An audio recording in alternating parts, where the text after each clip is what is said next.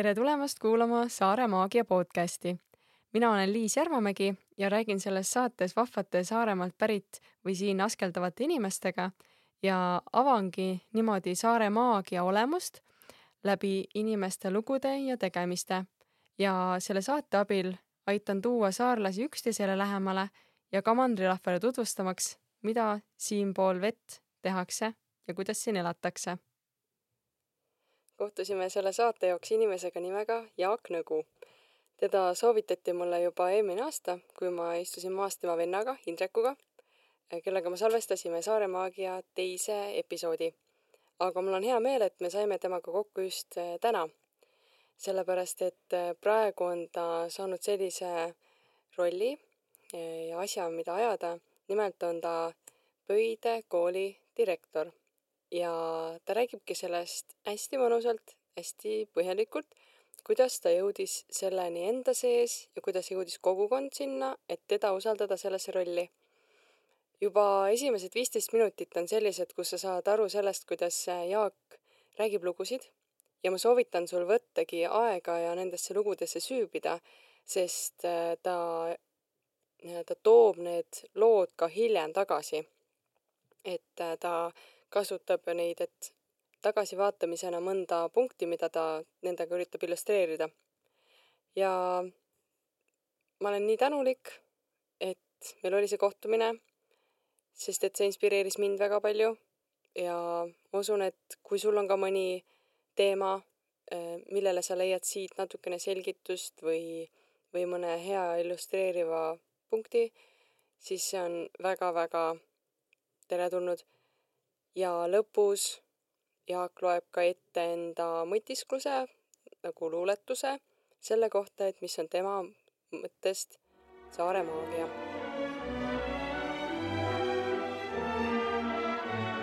nagu läheb siit selle nagu loomuliku jutu pealt edasi ja pärast lõikan siis mugavaks selle alguse. jah, ehk siis ma lõpetan ära selle siit, et, et siis, kui ma sulle kirjutasin, et, et pulss on nüüd äh, paarkümmend äh, lööki või palju ta siis on nagu kõrgem tavapärasest, siis, siis ma tegelikult kirjutasin just seda luuletust ka mm, äh, samal ajal, nii et, et see oli minu ettevalmistus, et mm -hmm. ma, ma ja ma avastasin, et ma ei ole nüüd jupp aega luuletusi kirjutanud. Pärast seda, kui, kui suvi tuli, sest et suvel ma alustasin ju selle seiklusega, mis on ka natuke nagu noh, selles võib-olla hetkeolukorra kirjelduses sees ja, ja siis äh, ma olengi natuke ennast nagu see, liiga sügavalt seiklema siis nii-öelda ühte kohta pannud ja. aga enne seda ma ikkagi kirjutasin äh, aeg-ajalt luuletusi ja, ja olen lausa käinud ette lugemas neid. vot nii põnev on olnud see aasta see on teine, see on hoopis teine asi, et üks asi on kirjutada ja teine asi on nagu need kuidagi siis mm. nagu teistele välja anda, et, et. on. mõtestamiseks või nagu tõlgendamiseks, et see inimene ikka, aju kogu aeg tõlgendab ja otsib midagi tuttavat mm., on ju, et kas ta mm. saab sellest aru jah, ja mulle endale meeldib just see, et äh, ka enda jaoks mina olen kirjutanud selle luuletuse, ma olen selle mingi mõttega kirjutanud, mingi tundega kirjutanud ja, ja ma olen selle sinna sisse pannud. ja, ja üks asi on see nii-öelda sinna sisse panna ja see nii-öelda pliiatsiga paberile saada, teine asi on see, on see publikule või siis ka nagu tunnetuslikule siis sellisele audientsile, et ma tunnetan neid inimesi, kes kuulavad. samal ajal, kui ma seda loen omaenda häälega ja sedasama tunnet nii-öelda sealt välja lugedes, mida ma sinna sisse panin. ja seda, kui ma teen seda, siis ma saan aru, et ta on muutuses vastavalt sellele kontekstile, sellele tunnetusele, mis tekib nii-öelda sünergiaga seal inimeste vahel. ja see luuletus saab tegelikult teise tähenduse või mingi teise niši või nüansi enda külge mm. -hmm. ja see on hästi mm, see on umbes sama nagu täna siia tulemine ja siin nagu, et, et ma ei tea, mis saab, on ju, ja seda luuletust nagu esitades siis publikule on sama tunne, et ma ei tea, mis saab kuhu ta läheb ja. või mis, mis nagu tunde ta võtab, on ju. jah, ma samastusin sellega, et, et kui nagu luuletust kirjutada, siis on üks tunne, aga esitledes on teine mm. ja ma mäletan, kuidas ma vahel ka, ma ei kirjuta otseselt luuletusi, aga ma kirjutan mingisuguseid sõnumeid, mis mulle nagu tulevad, kui mul on mingi tugev emotsioon ja siis ka nagu ma olen märganud, et kui ma seda olen lugenud, siis mul tuleb meelde, ahaa, mul oli see asi just siis üleval nagu, et, et see on nagu hea, kui tuleb mingi asi tunde pealt ikkagi ja siis saab nagu väljenduse. Mm.. vot, aga alustame siis sellega, et äh, kõigepealt tunneta siit omale kolm kaarti ja võta nad. Ja mm. siin on siuksed lihtsalt lihtsad küsimused, millele ma, saad ma nägin, sa panid mulle peale mingid, mis ma peaksin kindlasti võtma, et ma võtan altpoolt võta jah, võta just, just, just. Ma natukene, ma natuke üritan sellist nagu endale sellist heade huumoriga sellist Just, vabadust tuua, mängu teha endale. nii, ma leidsin need kaardid ülesse, mida sa ei Mhm. soovinud, et ma võtan. no nii, onju, väga hea. siis võta ükshaaval keera nad ümber ja loe, loe küsimus ette ja siis vasta sellele. ja kõik loe- korraga või ükshaaval, ükshaaval loen ja siis äh, vastan kohe. just, mis on su elu kõige rohkem mõjutanud raamat hmm.? Kohe, see on, ma olen seda küsimust endalt küsinud ja ma olen seda küsimust vastanud endale ja teistele inimestele nüüd äh, selle suve jooksul mitu korda ja ma olin juba ära unustanud, mis see on. ma hakkasin otsima, mis raamat see on, neid on nii palju. palju, enne kui ma selle vastuse annan, ma ikkagi nagu noh, tõstan esile aukohale mõned teised raamatud ka. paljuski on mu elu äh, mõjutanud äh, Kõidikuist vabanenud hing, äh, Michael A Singer, Anthony Singer äkki on ta siis. seda ma lugesin sel aastal, aga sellist vaimset kirjandust nii-öelda on mind väga palju mõjutanud ja, ja mitte ainult, vaid ka näiteks äh, põhimõtted elus ja töös. Ray Dalio on selline investeerimismiljard, miljardär Ameerikas, kes on kirjutanud äh, oma, oma töö ja eraelust nagu põhimõttelise ülevaate, hästi paks teos, ma olen poole peal sellega. ja ma olen jõudnud sinna töö sek- sektsiooni. Aga, aga eraelust ma võtsin kaasa endale ühe mediteerimispraktika, mida tema tegi ja nüüd on, ma olen seda kolm aastat peaaegu teinud, et see on mind võib-olla mõjutanud väga palju nagu ka nagu praktiliselt või siis nagu ka noh, nii-öelda nagu nähtavalt on ju ja, ja selliseid häid ägedaid raamatuid on, on veel. küll aga ma võib-olla tooksin sellise maailmavaatelise teose Elizabeth Sahturis, selline naisterahvas, kes käis mul külas see augustikuu, ta on kaheksakümne seitsme aastane Hawaii'l elav naisterahvas, ta on futurist, tulevikuteadlane ja ta, tema elumissiooniks on, on aru saada elust ja sellest kõiksusest, milles me elame nii detailselt kui vähegi võimalik ja muuta see lihtsustatud kujul kõikidele inimestele siis nii-öelda kättesaadavaks. nagu väike siukene väikene katalüsaator või no, võtab endasse ja siis hakkab Jah. Mhm. ja selle raamatu nimi on äh, Extri äh, Earth Dance äh,, mingi evolu-, evolution midagi, ma praegu ei tulegi meelde, aga eesti keeles oli siis maailmatants, Kaia maailmatants. ja see raamat on mind väga palju mõjutanud just maailmavaateliselt äh, ka sellise jätkusuutliku maailmavaate poole pealt ja ja ka siis äh, see ka vaimse, vaimne pool on hästi, hästi nagu terviklikult kokku sidunud, see on siis äh, mis on, ma ütleks isegi võib-olla siis täpsustaks küsimust, mis on mu senise elu kõige rohkem mind mõjutanud raamat, et seda ma ütleksin praegu ära. Väga head soovitused, päris mitmeid juba siin ja väga näha, kas sa loed muidu palju? äh, tahaks rohkem lugeda. on alati nagu, et tahaks alati võiks rohkem, rohkem jah, et ma, see on nagu kuidagi, et nende seiklustega ka, mida me seikleme elus, et tihtilugu me uputame ennast sellesse seiklusesse liiga sügavalt sisse. ja siis tekib illusioon, et ei ole aega lugeda Mhm. ja, või ei ole energiat lugeda, mis on minu nagu peamised illusioonid ja siis ma ei võta endale seda aega. ja, jah, see on väga hea point, mis sa tood välja, et me lähme nagu mingisse asja liiga sisse, et, et ja võime sellest ka pärast pikemalt rääkida mm, -hmm. et see on hea asi, mida inimene saab alati endalt küsida, et kui sees ma enda illusioonis olen, on ju. mm. et selles Mhm. nii-öelda selles mängus, mida ma nagu olen valinud mängida. Mm. järgmine küsimus, jah. mis on olnud see hetk, kus oled end väga uhkelt tundnud mm.? siia ma kohe hea küll, no ma ikka vastan nii, nagu mina vastan, et äh, ma, ma ütleks niimoodi, et äh, seda võib väga filosoofiliselt nii-öelda võtta, seda küsimust on ju, kui on soov. ja mul praegu on, et äh, noh, ma ikkagi lasen kellast lahti nüüd on ju korraks ise on ju ja, ja usaldan, et mis ma nüüd räägin, seda ma räägin, on ju. ma räägin lühidalt ühe loo mm, siia. ähm, ja selle, see lugu kõlab nii, et äh, lapselaps ja vanaisa omavahelises vestluses äh, lapselaps vanaisale, et kuule vanaisa, räägi, räägi mulle, mis asi see igavik on. kõik räägivad, see on hirmus pikk asi, et aga mis see siis täpsemalt on? ja vanaisa siis ütleb, ta muigab soojalt ja võtab lapselapse siis põlve peale ja istuvad seal ja siis tead, kujuta ette, et on üks suur ookean, noh lõpmatu suur ookean, et noh, et, et sa otsa ka äärt, ainult üks suur meri on ja, ja mitte midagi ei ole sealt äh, ühest otsast teise näha. ja selle ookeani keskel on hiiglama suur kalju, no noh, naabri salme juurde kilomeeter on ju, et noh, umbes selline on ju. ja igatpidi siis kilomeeter ja ülesse ka kõrgusesse. ja see kalju ei ole niisama kalju, vaid see on sümboolne tseremonaalne kohtumispaik kahe kotka vahel, kes on armastajapaar. ja nemad siis saavad igal aastal ühel päeval, ühel konkreetsel ajahetkel saavad seal kokku ja, ja looduses on kella tundmine hoopis täpsem kui inimkalendris on ju, seal käib hoopis teistmoodi see. ja, ja nemad kohtuvadki seal ainult üks kotkas ilmub kohale ja tema tuleb iga aasta, oodates oma kaaslast ja mitte kohates seda, kellega ta soovib kokku saada. tema hingearmastust ei tule, ta ei jää sinna kauaks ootama, ta poetab sinna kurbuse märgiks ühe pisara ja läheb edasi. ja nii jälle ja nii jälle ja nii jälle. ja noh, tegemist on selliste sümboolsete igavikuliste kotkastega on ju. ja, ja, ja sellel hetkel, kui sinna kalju sisse on pisarast, sest see pisar läheb alati ühe ja sama koha peale on uuristunud eh, lohk, siis on igaviku hetkest möödunud üks silmapilk. nii pikk hetk ongi see igavik. Ja, ja mina vaatan ka seda, et eh, mulle meeldib see lugu väga, ma olen seda lugu rääkinud paljudele inimestele, sest mulle see lugu lihtsalt väga meeldib. Mm, seda on hea nagu jälgida. jah, ja, ja selles loos on see igavikuline hetk on nagu hästi kinnipüütav just selles võtmes, et mina usun, et kõik asjad toimuvad nüüd ja praegu ükski asi ei juhtu väljaspool seda äh, praegust ajahetke. Mhm. sest et ükski asi ei juhtu varem ja hiljem, isegi kui me oleme kirjutanud kalendrisse tuhat kaheksasada kuuskümmend, siis see hetk, kui see toimus, see oli nüüd ja praegu. Äh, ta on osa igavikust. ta on osa igavikust mm -hmm. ja, ja ta on, tegelikult on ju see igavik on igikestev hetk, ta on ju kogu aeg, ta on katkematult, meie oleme pannud sekundid ja tunnid ja minutid ja, ja kuupäevad külge.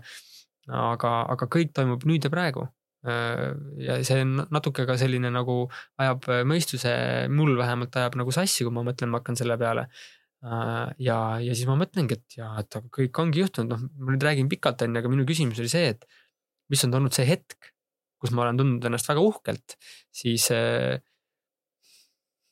noh, ta on osa sellest, on ju, mm. ta on osa sellest igaviku hetkest, ta on sellest minu nagu, mm, minu elu sellest püsivast praegust ta on osa sellest.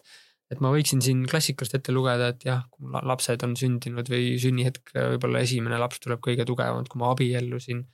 ja aga, aga siis ma mõtlen, et kuidas see uhkusega on, uhkus on ikkagi seotud sellega, et kui ma midagi olen nagu hästi teinud või ma tunnen õnnelikult selle üle, et mul on midagi õnnestunud. ja ja mul tegelikult ei tule praegu sellist head konkreetset uhkuse hetke, et ma olen millegi üle uhke olnud et ma olen võib-olla tulevad sellised nagu õnneliku hetked, et kus ma olen õnnelik olnud, et midagi on juhtunud ja ma olen nagu aset on leidnud ja ma olen osa olnud sellest. jah, täitsa mõist-, hästi mõistan seda nagu põhimõtet, et ja ma tean, et, et äh, mul need küsimused on juba natuke nagu ringluses ehk et äh, nagu teine sats inimesi vastab neid ja ka eelmine inimene ütles, noh, et nagu ei ole nii raske leida seda ühte hetke nagu mm., sest et mm. nii palju asju juhtub ja mm. nii palju on mm. häid ja muidugi defineeris natuke seda uhkust ka natuke teistmoodi, aga noh, see ongi täpselt see, et mm. mm. sa oled mm., su mõte on juba käima läinud, ma näen mm. ja kuulen mm.. jah, on, nii on jah. väga lahe.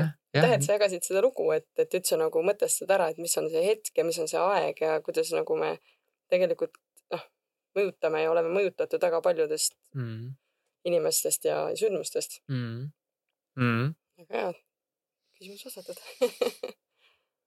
mida sa ütleksid kaheksakümne aastasele iseendale? no esimene asi, mis ma kohe ütleksin, et vägev, et sa oled jõudnud siia selles suhtes ja nagu äh, sellesse punkti, et sa oled kaheksakümmend, et sa oled nüüd no mingi kahe kolmandiku peal on ju.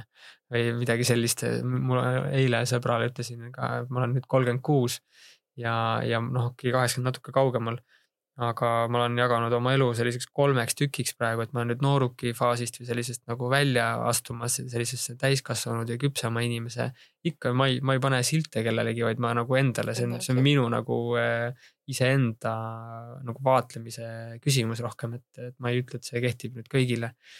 aga ma enda jaoks olen vaadanud seda elu nii, et ma olen nüüd äh, kolmandiku peal, äh, ma olen sellise võib-olla nagu põlvemarraskile ja, ja tervise lõhkumise faasile nagu äh, Mm, äh, nagu selga pööramas ja, ja minemas siis sellisesse nagu teadliku enda eest hoolitsemise ja, ja ka võib-olla ka siis sellisesse, kui me nagu loomise elust räägime, siis ka nagu ütleme, nagu teadlikuma loomise juurde ka, et, et kuidas luua väärtust on ju iseenda ja teiste jaoks ja ja siis kaheksakümne aastasele ma ilmselt ütleksin praegu, et, et vägevalt oled teinud, äge, et nüüd on siin, nüüd on see aeg, kus sa võid nagu noh, sellest jalad nagu sirgu lasta, kui sa tahad, on ju, ja nautida lihtsalt neid vilju, mis on nii-öelda nagu noh, noh tehtud on ju, et. mida sa oled siis loonud? mis ma olen loonud jah, et, et olla nagu lihtsalt olemas ilma konkreetse võib-olla sihukese eesmärgi või sihita, mis on minu jaoks noh, äärmiselt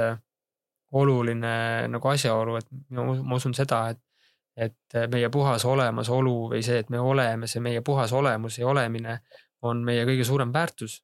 sest et need asjad, mida me teeme sellise puhta olemise sees, need ei tundu nagu tegemisena, need on nagu olemise viis oleks. -hmm. et, et kui, kui me naudime midagi meeletult ja me tegeleme mingite asjadega, mis meile toovad suurt rõõmu, siis me ei ütle, et ah, ma tegin seda vaid et või vähemalt mina ei ütle endale, et ma, ma, ma olin mingis tegevuses, minu jaoks on tegevuses olemine selline natukene kohustusega seotud, et ma, ma pean tegema midagi, et ma saaksin kõhu täis või midagi sellist, on ju. Ehm, jah, et aga, aga kaheksakümne aastasel Jaagule ma ütleksin küll, et siis ma ütleks, siis ma oleksin, siis see on ka see hetk, kus ma uhke olen.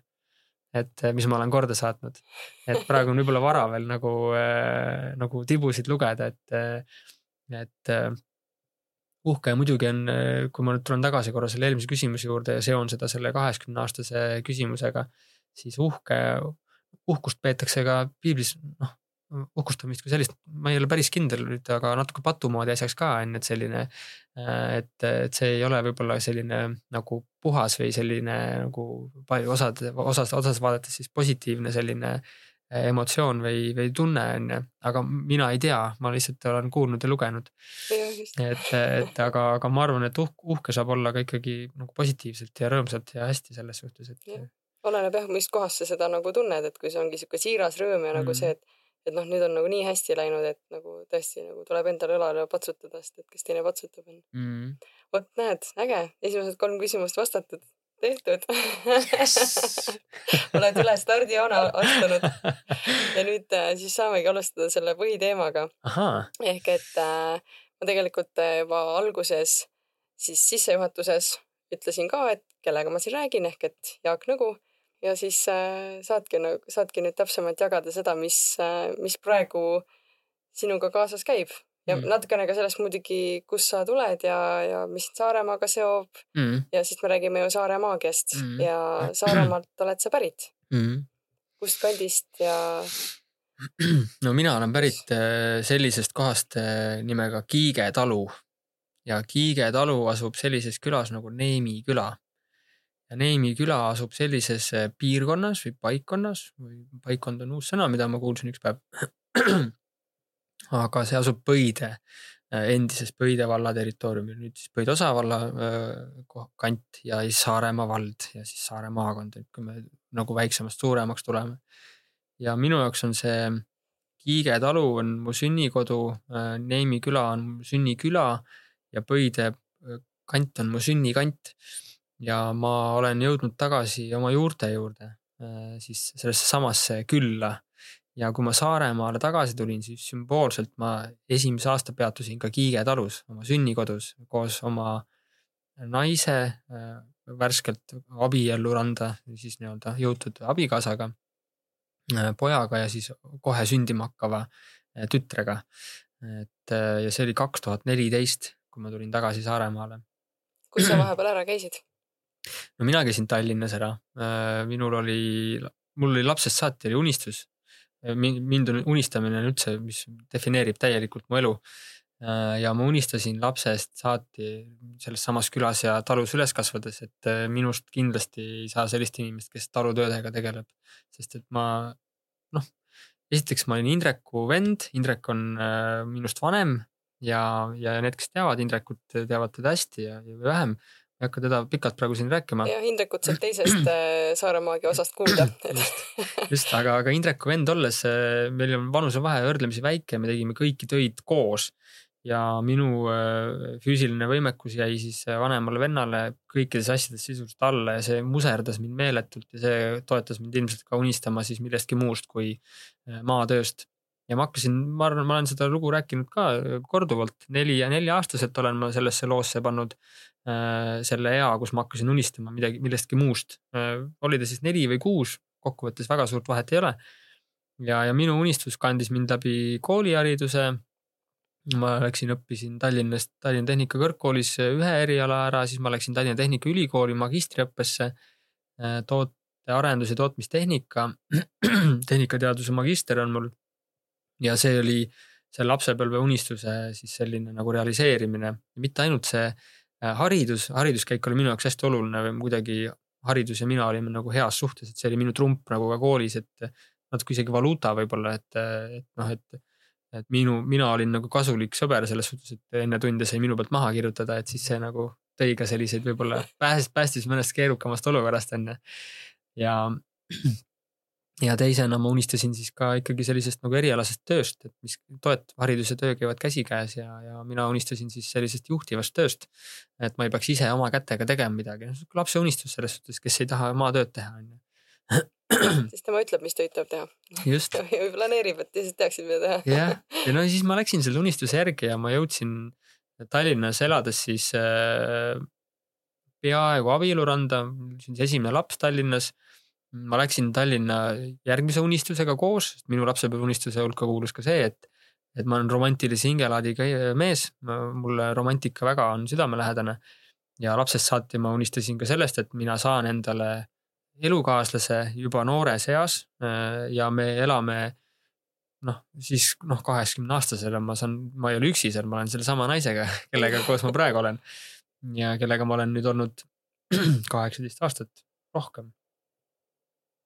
Kakskümmend aastat juba suhtes äkki või. et üle poole oma elust ma olen olnud ühe, ühe inimesega suhtes. ja, ja temaga koos me läksime ka Tallinnasse seiklema ja, ja see seiklus lõppes siis ära kaks tuhat neliteist. kui ma magistrihariduse kätte sain, mm, üks laps oli juba sündinud ja kui teine laps hakkas sündima, siis me hakkasime kavandama äh, pulmi Äh, ja abiellumist äh, tähistada oma liitu. Ja, ja siis äh, ühtlasi ka Saaremaale tagasi kolimist. ja Saaremaale tagasi me kolisimegi vend Indreku juurde, ta võttis meid esimeseks aastaks enda juurde. tema on sünnikodu uus peremees ja, ja siis niimoodi me jõudsimegi tagasi, et mina sellist töökarjääri unistust ma ei realiseerinud Tallinnas et äh, ma liikusin selle poole, ühelt ametikohalt teisele vahetasin ja, ja otsisin endale head väljundit. ja huvitav on see, et ma nagu realiseerisin selle töökarjääri Saaremaal, äh, kus on kordades vähem võimalusi leida äh, sellist spetsiifilist erialast tööd, mis mul on olemas. mul oli tootmistehnika magister, okei okay,, tootmisettevõtted Saaremaal on. et selles, selles pole küsimus, küll aga neid on vähem ja nad on üldiselt nii-öelda inimestega täidetud, mitte küll alati. Aga mul õnnestus siis äh, kirjutada oma magistritöö äh, seal Pöidel äh, Alunauti, millest kohe esimese hooga nii-öelda ei läinud käima, aga, aga kui ma tulin Saaremaale, siis ma jäin isapuhkusele teise lapsega ja siis üks hetk võeti minuga ühendust ja siis ma sain Alunauti tööle. ja Alunauti, Alunauti ma pidama ei jäänud, et olin mõnda aega seal ja siis pärast seda Mm, leidsin töö tootmisinsenerina Kingli grupis, mis on siis noh, ka mul sünnikodust kusagil viis-kuus kilomeetrit ja ma olen ise mõelnud seda, et et Tallinnas mul noh, ei õnnestunud leida sellist nii-öelda nagu kodulähedast nii-öelda töökohta, et ma pidin sõitma ühest linna otsast teise, et tööle minna. ja nüüd, kui ma kolisin tagasi Saaremaale põhimõtteliselt, kus ei ole mitte midagi onju, äh, siis mul nagu kaks nagu põhimõtteliselt nagu jalgrattasõidutee kaugusel töökohta ja minu karjäär realiseerus äh, Kingli grupis, et äh, ma tegin seal mm, noh, kokku ma töötasin viis aastat seal ja see on mu kõige pikem töösuhe, mul ei ole nii pikka töösuhet olnud äh, veel. ja ma alustasin seal tootmisinsenerina, tegin seal erinevaid, erinevaid rolle täitsin ja olin hästi suures nagu sellises nagu mitte ainult äh, siin Saaremaal oleva tehase, vaid ka nii-öelda kontserni sees olevate tegevuste juures nii-öelda äh, arendustegevuste juures kaasas ja, ja siis äh, ma jäin seal olles veel kolmanda lapsega isapuhkusele. ja kui see läbi sai, siis mulle pakuti tehase juhi positsiooni. ja siis ma mõtlesin, et mis ma nüüd teen sellega ja siis ma mõtlesin, et aga ma proovin ära. sest et juhi, juhi tööd sa nagu just ma ju otsisin seda, Mhm. laps unistas onju ja nüüd ta siis see, just. see unistus tuli onju, et noh, kuidas siis nagu selg keerata. ja see oli äh, vapustav kogemus, umbes ühe aastaga põlesin läbi. Liiga palju, liiga kiiresti tahtsin Mhm. ja äh, küll aga oli, ma arvan ikkagi, et, et kui alguses oli, oli nagu, oli nagu minu õppimise nagu kogemus ja äh, oli nagu valulik võib-olla nagu siis sellise muutuse mõttes nagu paljude inimeste jaoks seal tehases ja, ja aeg oli ka keeruline, et, et esimene ülesanne oli mul selline noh, värske tehase juhina, et äh, oli nii-öelda nagu, nagu ikka vaata, kui tuleb uus juht, siis nagu on hea võimalus nagu ellu viia nii-öelda noh, mitu asja või nagu sellised nagu noh, kaua nagu ootel olnud sellised muudatused või, või siis plaanid on ju. et äh, ja, ja ju- juhatus oli ka mulle nagu pannud nimekirja asjadest, mida nagu nad soovisid ära teha ja esimene asi oli see, et see küll polnud nende soov, aga, aga noh, ikkagi teatud poliitiline nagu, nagu ka kursi võtmine siis nagu ettevõtte poolest või kontserni poolest tervikuna pidin ühe osakonna sulgema. et siis selline populaarne nagu selline nagu tegevus, mida läbi viia. aga, aga saad see ka, hästi tuntuks nojah, aga ta oli väga-väga kasvatav kogemus ja, ja mm Mhm. -hmm. ma ikkagi täna ikkagi väga äh, soojad suhted on endiselt äh, tööandja ja, ja kolleegidega, et, et äh, jah, ma olen hästi õnnelik, et mul on õnnestunud olla osa sellest folkloorist, mida on kirjutanud see, see ettevõte nüüd siia kohalikku ellu. aga see ongi see, et iga kogemus annabki mingisuguse nii-öelda õppetunni selleks, et võib-olla praeguses või mingisuguses tulevikuhetkes paremini Mm. hakkama saada. Mm. et äh, kes sa täna oled? oled ka juhtival kohal? täna ma olen ka juhtival kohal jah, et äh, ma ise väga palju sellest ei räägi äh,, sest et sellest räägitakse üsna palju, inimesed küsivad kogu aeg selle Kindlasti. kohta. et äh, aga mul juhtus selline, ma pean natuke eemalt pihta hakkama, et, et natuke lugu sisse rääkida. et see tehasest võib-olla pikalt rääkimine oli ka oluline äh, sellele seiklusele, et, et kui ma läbi põlesin seal tehases, siis äh, siis ma hakkasin, ma sain aru, et äh, noh, esiteks samal ajal, kui ma tehase juhin läbi põlesin, põlesin ma inimesena läbi. minu varasemad uskumused, minu varasem ettekujutus elust kui sellisest, minu väärtused, minu hoiakud äh, eluliste asjade suhtes äh, said äh, mingis mõttes põrmustatud, nad kujunesid ümber ja ma pidin hakkama uuesti vaatama elule peale teise pilguga ja, ja siis ma nägin ka, et ma tegelikult sooviksin noh, teistsugust väljundit endale, et äh, võib-olla selline töötlev tööstus ja, ja sellises äh, noh, majandusmudeli sellises nagu loodust ära kasutavas sektoris nagu töötamine. ma niimoodi tol hetkel ei sõnastanud seda enda jaoks küll, aga ma, ma soovisin nagu väljundit nagu kogukondlikumat, et nagu anda võib-olla tagasi nagu siis nagu, nagu kogukonnale või ühiskonnale teistmoodi et mitte, mitte ära võttes siis loodusressurssi, vaid et panustades siis inimeste kohalikku ellu näiteks. ja ma kavandasin sealt sellist nii-öelda plaane, kuidas sealt välja nagu astuda tehasest ja, ja, ja, ja väga hästi seda võib-olla esialgu ei teinud, aga igal juhul lõpuks ma proovisin õpetajaametit äh, Orissaare gümnaasiumis ja, ja ma tegin seda niimoodi, et mm, kui mul kolmkümmend üks august oli viimane päev tehases ma kirjutasin pika tänukirja seal tehase inimestele, et ma sain nendega koos tööl olla seal. siis esimesel septembril ma siis läksin nagu aktusele, kus mul hakkas see äh,, hakkas see uus seiklus ja samal ajal ma astusin ülikooli ka veel õpetajakutset omandama. ja see käis mul nagu selgelt nagu liiga järsult ja, ja see elu muutus oli nii suur, et ma kuu aega pidasin vastu. olgugi, et ma ei alustanud täiskoormusega õpetajatööd, siis, siis ma noh, panin ikkagi korraks selle aja maha ja jäin terveks talveks sisuliselt jäin nagu seisma. et vaadata, mis siis nagu toimuma hakkab. ja natuke aega läks mööda, paar aastat hiljem, nüüd selle aasta jaanuaris äh, ma, ma olin aedniku rollis, mina võtsin aja maha ja siis ma tegelesin nende asjadega, mis mulle meeldib, et kui inimesed küsisid, et mis sa teed, siis ma ütlesin alati, et ma te teen neid asju, mis mulle meeldib ja see tavaliselt ammendas ka, et inimesed ei tahtnud rohkem küsida, et kadedus tuli vist sisse aga, aga igal juhul siis ma, no see on jah nii on jah. ja siis ma olin aedniku tööd tegin ja talvel jaanuarikuus juhtus selline lugu, et oli vaja puid laduda kiviaia peale, et koerad ei saaks plehku sealt äh, nagu õue pealt onju. ja see ei olnud sugugi vähe. see oli kusagil peaaegu seitsekümmend meetrit kiviaeda ja siis ma tellisin kaks koormatäit küttepuid sinna sellesse tallu, kus seda oli vaja teha. ja ma asusin seda tööd tegema ja noh, esimene päev ma olin mingi pool tundi suutsin olla, sest nii kehv ilm oli ja mul ei olnud vastavat riietust ja kõik selline harjutamine. Ja, ja meil hakkas samal ajal Pöide kogukonnas ja Saaremaa vallas tervikuna toimus haridusreform, hakati neid kooli, koole üle vaatama, kui suured nad peaksid olema, vaadati statistiliselt laste arvu piirkondades ja mis on need mõistlikud suurused ja kõik sellised asjad ja, ja meile tuldi jaanuaris siis nagu noh, kogukond ise nagu initsiatiivi algatas ja tulid siis vallainimesed kohale tutvustama siis plaani, mis siis, mis siis see tulevik toob, on ju, sellele kohalikule koolile. mis see kohalik kool on? Kohalik kool kannab, tollel hetkel oli Tornimäe põhikool, tänaseks on, on nimi muutunud Pöide kooliks Mhm. ja, ja siis eh, noh, kui see asi pihta hakkas, ega mina tol hetkel ei mõelnud seda, et ma võiksin olla hiljem seotud selle nii-öelda, et ta ei ole enam ainult nagu üks asutus, nüüd on lasteaed ja kool kokku ühendatud, et see, see on ka, mis muutunud on, et lisaks nimele, et ei ole enam ainult kooli osa, vaid on ka nüüd lasteaed ja kool omavahel kokku liidetud ühte organisatsiooni Mhm.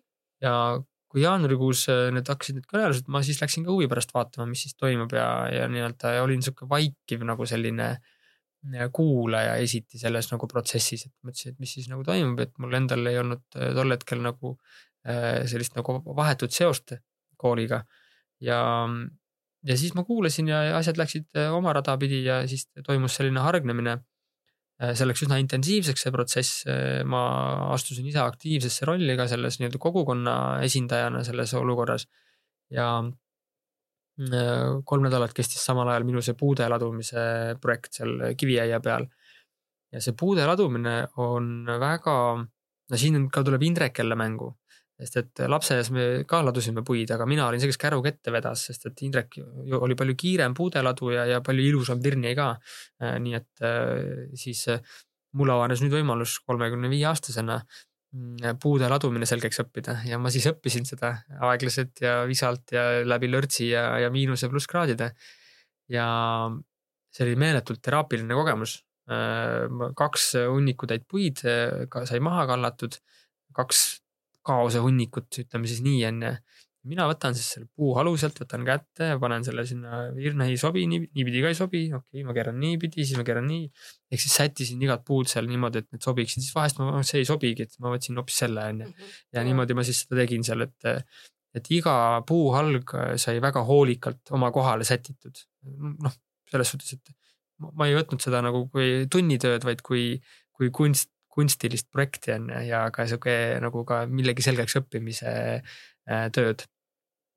ja siis ma korrastasin seda kaost, mis seal välisilmas oli ja, ja ma korrastasin kaost samal ajal ka siseilmas, iga puuhalg oli, oli mingi osa minust, mis oli kusagil põrandal sassis nii-öelda ja ma võtsin selle ja siis panin ta kuskile korrapärasesse äh, mustrisse või sellisesse seotusesse teiste tükkidega, mis on siis ka osa sellest. Ja see oli nagu väga keeruline protsess, ma olen nagu romantilist hingelaadi mainisin, siis äh, ei häbene ka öelda, et ma nutsin mitu korda selle töö käigus. lihtsalt tulid mingid asjad tulid enda seest sügavalt üles, mida ma ei teadnud, mis asi need on ja kus need olid üldse ja millega need seotud olid. ja, ja tihtilugu ma ei saanud isegi teada, mis see oli, küll aga ma nutsin selle välja endast. lihtsalt lasin tal tulla ja nii kaua nutsin, kui olin seal kägaras puudehunniku najal nii-öelda ja siis lasin tal tulla lihtsalt.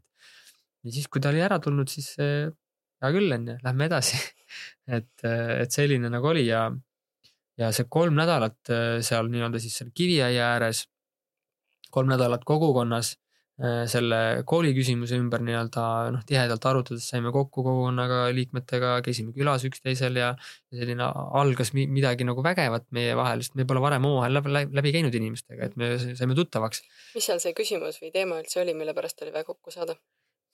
Noh, see, see on selline ig- igavene küsimus natukene või, et, et Tornimäe põhikooli on, ma olen selles koolis õppinud ka õpilasena. ja si- siis, kui mina õppisin seal, siis oli juba ka jutt üleval et kusagil, et see varsti pannakse kinni, sest lapsi jääb järjest vähemaks. ja siis äh, juhtus ka nii, et see oli ka meie jututeema, et nad ei tahtnud kinni panna seda või ei olnud ettepanek küll aga oli ettepaneku sisuks see, et muuta algkooliks neljaklassiliseks ja, ja meil kogukonnale see ei sobinud, sest et kardeti, et see neljaklassiline äh, plaan on äh, nagu vahesamm sellele, et ta läheb kinni, sest et siis ta noh, küpseb veel väiksemaks ja siis veel vähem nagu soovitakse panna. sest meil on lähedal on Orissaare äh, gümnaasium, põhikooli ja gümnaasiumi osaga.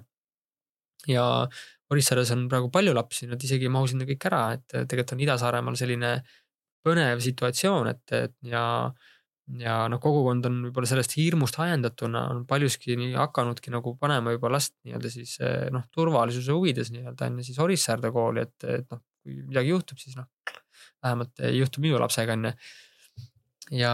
see on siuke kahe otsaga asi onju. no ongi, et siis see tekitab väga hea pöörise veel kogukonda ka, inimesed hakkavad veel vaatama üksteist. sinu laps käib Orissaares jah, minu lapsed ka kaks tükki, kusjuures see on täitsa, ma olen, ma olen saanud kõvasti kriitikat selles suhtes ka kogukonnast juba, et, et mis ma, kes ma sihuke olen, mis õigusega mina üldse midagi ütlen. vaata, kus su lapsed koolis käivad ja, ja mina panin ka tol hetkel, kui ma selle otsuse tegin abikaasaga väga pikalt, pool aastat äh, nagu plaanisime, et mis siis teha, sest meie lapsed kõik on äh, Tornimäel äh, nüüd uue nimega siis Pöide kooli lasteaias käinud. ja, ja meile on väga meeldinud seal, küll aga kooli millegipärast me ei ole nagu siis enam last nagu pannud, on ju, ja me pole ainsad, see on äh,. Kui protsendipunkti vaadata Pöide piirkonna suhtes, siis see on sihuke nagu noh, circa kaks kolmandikku kogukonna lastest või kas ta nüüd päris nii õige on, et rahvastikuregistri andmed on noh, natukene nagu sissekirjutused ja asjad on, on nagu on, aga, aga ütleme niimoodi, et üle poolte julgelt ikkagi kogukonna lastest ei käi meil koolis. ja, ja meil on äh, sellist nagu potentsiaali on sihuke kaheksakümne natuke pluss lapse jagu põhikoolis, äh, põhikoolile, aga, aga täna on tõsiasi on kolmkümmend seitse.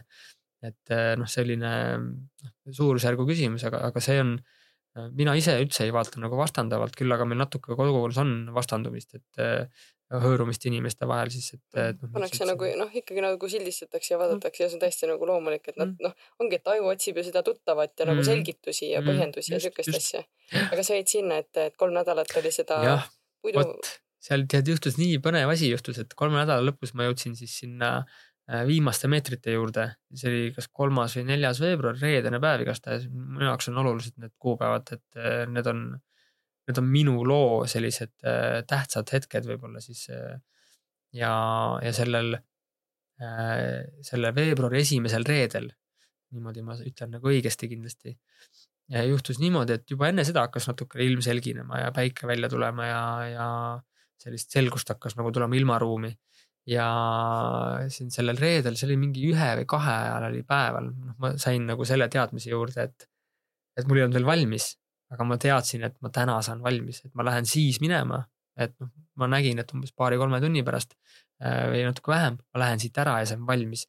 ja siis juhtus nagu minuga selline sõnul seletamatu, ma olen lugenud lapsepõlvest saati väga palju ilukirjandust ja romaane ja, ja seal on äh, need kunstnikud, kirjakunstnikud on pannud tundeid sõnadesse äh, igatpidi onju ja ma ei ole kohanud mitte ühestki raamatust sellist tunnet, mida ma kogesin. Ja see lõi mind täiesti nagu jalust maha.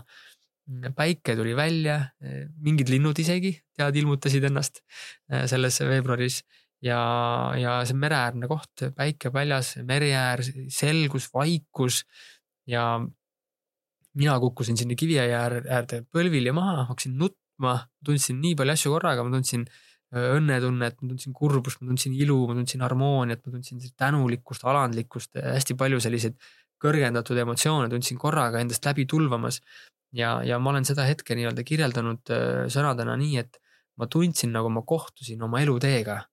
ja mitte, et ja ütleme üksi kohtun, vaid me kahekesi, me saime kokku universumis, vaatasime üksteisele otsa, me saime aru, et, et meie oleme nagu määratud nagu ühinema või seda teed käima. ja meil ei ole siin valida, sest see on ette määratud. küll, aga me tegime veel ka siis sellise nagu alandliku valiku ka, et me veel valisime ka, et me andsime üksteisele sõna, et, et me oleme nagu ühenduses. ja, ja selles hetkes ma sain aru, et äh, minust võib saada need puuhalud ka, mis ma alustasin nende kirjeldamist, need olid tükikesed minust, mis sümboliseerisid mu varasemat elu, mu kogemusi, mu teadmisi, mu äh, mingeid tundeid, emotsioone ja need said kõik tervikuna kokku seotud sellel hetkel. hästi ilusti ja tihedalt. jah ja, täpselt ja iga, iga osa oli õigel kohal seoses teiste osadega mm -hmm. mu enda sees. ja, ja see tõi mulle selle selguse ja ma teadsin, et minust võib saada selle kohaliku ühendasutuse, lasteaia ja põhikooli kokku liidetud asutuse juht. et ma, ma olen nagu seda rolli val, valmis kandma kogukonna jaoks, sest et meie jaoks on just oluline kogukonnakool see kogukond on hoitud ja juhitud kogukonna enda inimeste poolt. Nad on äh, sellises ütleks isegi armastavas ja lugupidavas koostöises suhtes koolipidaja omavalitsusega. ja, ja see, see nagu selline minu nägemus ka sellele ja, ja ma ei võtnud seal sellist, et minust nüüd kindlasti saab, vaid ma lihtsalt, ma jäin vait, ma ei öelnud kellelegi, et see asi juhtus. ma äh, jäin ootama, mis saab, sest minu jaoks oli tingimus see, et kogukond äh, valib ise endale juhi, mitte juht ei vali ennast kogukonnale. Et see oli minu jaoks algusest peale oluline ja ma ei tahtnud olla see, kes tuleb, oo kutid, teate, mis mul juhtus, mul on nüüd, ma arvan, et mina peaksin olema see. On, et siis ma jäin nagu vaikselt. aga ma ei pidanud kaua ootama. pool tundi hiljem helistas mulle kallis kogukonnaõde Reelika ja tema helistab mulle, ma ise olin küll nagu, nagu, nagu selle kontakti loonud temaga hoopis teistel eesmärkidel, ma lihtsalt soovisin, et ta tuleks ühele kokkusaamisele. No,. oli sihuke kogunemine kogukonna rahvaga, ma väga lootsin, et ta tuleb sinna ka aga igal juhul ta helistas mulle siis pool tundi hiljem pärast seda selguse hetke. ja siis ta räägib mulle, noh, rääkisime muudest asjadest, siis ta hakkab mulle rääkima sellest, sest et ta, ta sai ilmutuse või ta nägi nägemust või ta sai, tal on tunne on ju, siis ta räägib mulle sellest noorest mehest, kes on see noh, ühendasutuse juht, kuidas ta räägib ja milliseid nalju ta teeb ja, ja millist, kuidas ta mõtleb ja milline potentsiaal temas on ja räägib ja räägib ja mina siis kuulan, ma olin siukse vaikimisvande andnud endale, et ma ei, nagu ei sekku, vaata, et mina, mina on ju ja, ja siis ma olin seal vaikides, siis ta, siis ma juba saan aru, et ta on juba nagu, et ta annab juba ilmselgeid vihjeid on ju, et nagu kaua siis võtab aega, et ma reageerin ja siis ta kannatas juba ka kannatas, kannatus tal katkes ja ta nagu. saad sa aru ka, kellest ma räägin et see oled sina. et noh, ma küsisin, et, et ma arvan küll jah, et, et siis ta ütles, et see oled ju sina ja ma ütlesin, et, et jah, et ma sain just teada, et see võin mina olla. ja see ja hiljem siis nii-öelda osavallakogu koosoleku järgselt see oli sõbrapäeval, neliteist veebruar, me olime siis jõudnud kogukonnaga juba tihedat tööd teha. ja osavallakogu koosoleku järgselt, see ei olnud enam ametlik osavallakogu koosoleku osa, ma olen osavallakogu liige ka.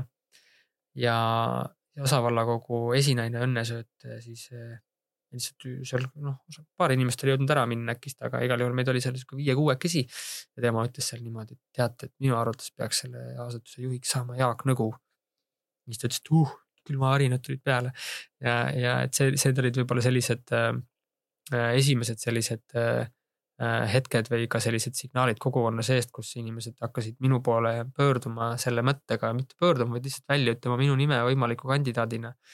ja, ja märtsi alguses me, meid kutsuti äh, Kuressaarde vallavolikogu istungite saali seitsmendal märtsil ja siis äh, see, sellega on ka seotud selline muljetavaldav lugu muidugi selle seitsmenda märtsiga, et ma natuke jagan seda ka. Mm, seitsmendal märtsil siis eh, me noh, me saime ju teada, et meid kutsutakse siis nii-öelda esitama, sest et märtsikuus oli volikogu istung, kus võeti vastu otsus, mis siis saab sellest koolist on ju. ja, ja me, meid kutsuti siis koha peale, et noh, kuulata siis kogukonna sellist nagu arusaamist või nägemust sellele olukorrale, et mida nemad siis ette pakuvad, kui nad nüüd rahul ei ole sellega, mis siis omavalitsus pakub. ja mina siis äh, olin äh, juba selleks ajaks selliseks eestvedavasse rolli nii-öelda jõudnud kasvada selles protsessis ja, ja panin kokku siis sellist presentatsiooni. meil ei olnud valmis nägemust äh, sellele nii-öelda ühendasutusele kui sellisele, küll aga meil näitasime ära siis selle, mida me oleme siiani teinud ja mis suuna me oleme võtnud ja mm, noh, selle sisse kuulus ka see, et me nii-öelda korraldasime avatud ruumi meetodil jüripäeval Äh, siis sellise kogukonna mõttetalgud, et äh, nagu panna kogukonnale endale selline nagu võib-olla alusvundament äh, paika ja vaadata siis, puudutada ka seda kooli küsimust ja, ja ka, ka, ka teisi asju lisaks sellele.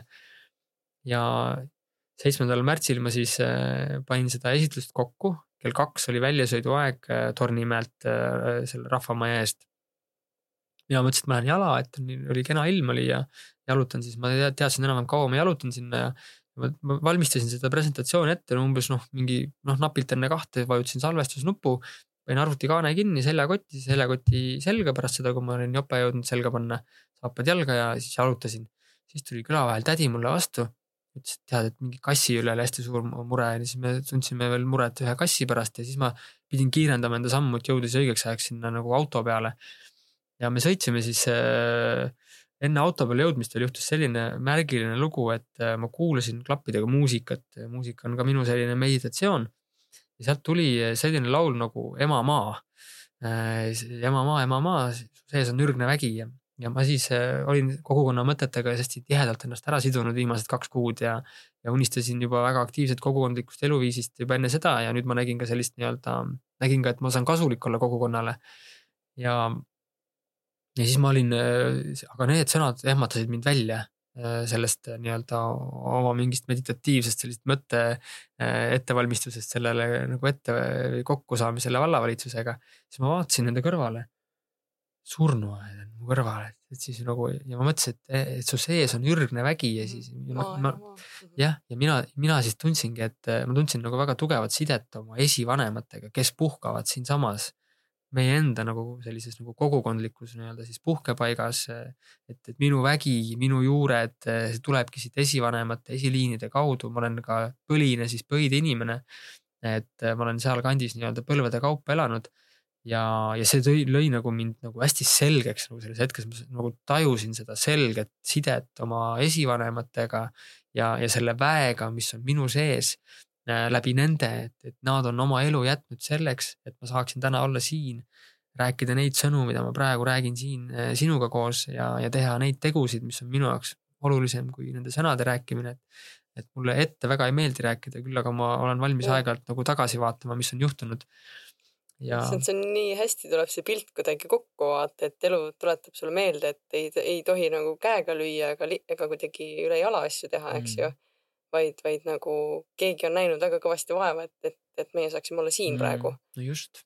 Täpselt. see on wow. milline privileeg on tegelikult on milline privileeg on ja, ja kui lugupidav tegelikult on ka see nagu vaatamine sellele suhtele oma esipõlvedega mm -hmm. sedasi vaadates, et sõltumata sellest kas me arvame, et nad olid head inimesed või halvad inimesed või kas nad tegid häid tegusid või halbu tegusid, siis noh, ma ise usun sellesse väikse vahepalana, et kõik inimesed annavad endast parima mm -hmm. kogu aeg. Enda ise, teadlikkuse ja oskuste juures. just, täpselt. igal juhul me, mina siis jõudsin ikkagi lõpuks sinna Kuressaarde. meil oli, ma pikalt sellest hetkest ei räägi, seal oli väga palju ilusaid, me olime kuuekesi ka veel Põide inimestega kolmest piirkonnast olid inimesed, kes siis nii-öelda olid kutsutud sinna, kellel oli nagu siis ots lahti selle kooli küsimusega. Ja, ja me olime ainsad, kus oli mitu inimest ja, ja meil oli põhjalik ettevalmistus, presentatsioon. ma jõudsin ka seal selle igaviku hetke loo ära rääkida, et kui küsimus oli, et mis on meie plaan ja, ja mina ütlesin, et meie plaan sünnib nüüd ja praegu ja siis ma jagasin seda igaviku hetke lugu natukene, siis sunniti aega ka vaatama on ju ikkagi, et noh. et igavik ei, ei kesta ka igavesti tähtsat, tähtsatel inimestel on, on tähtsaid asju vaja teha, et ei saa päris kaua olla siin. ja, ja igal juhul äh, me selles suhtes ikkagi, et äh, meil ei olnud seal ju plaan valmis, aga me näitasime, et mis on meie plaani algus ja, ja kuidas me oleme lähenemas sellele. tegelikult ma arvan, et see oli see, mis aitas meil jala ukse vahele ja siis me hak-, ja meil, meil ei olnud ainult plaan, vaid me nagu tegime tegusid ka äh, plaani sisse enne plaani tegemist ja, ja ka plaaniga koos.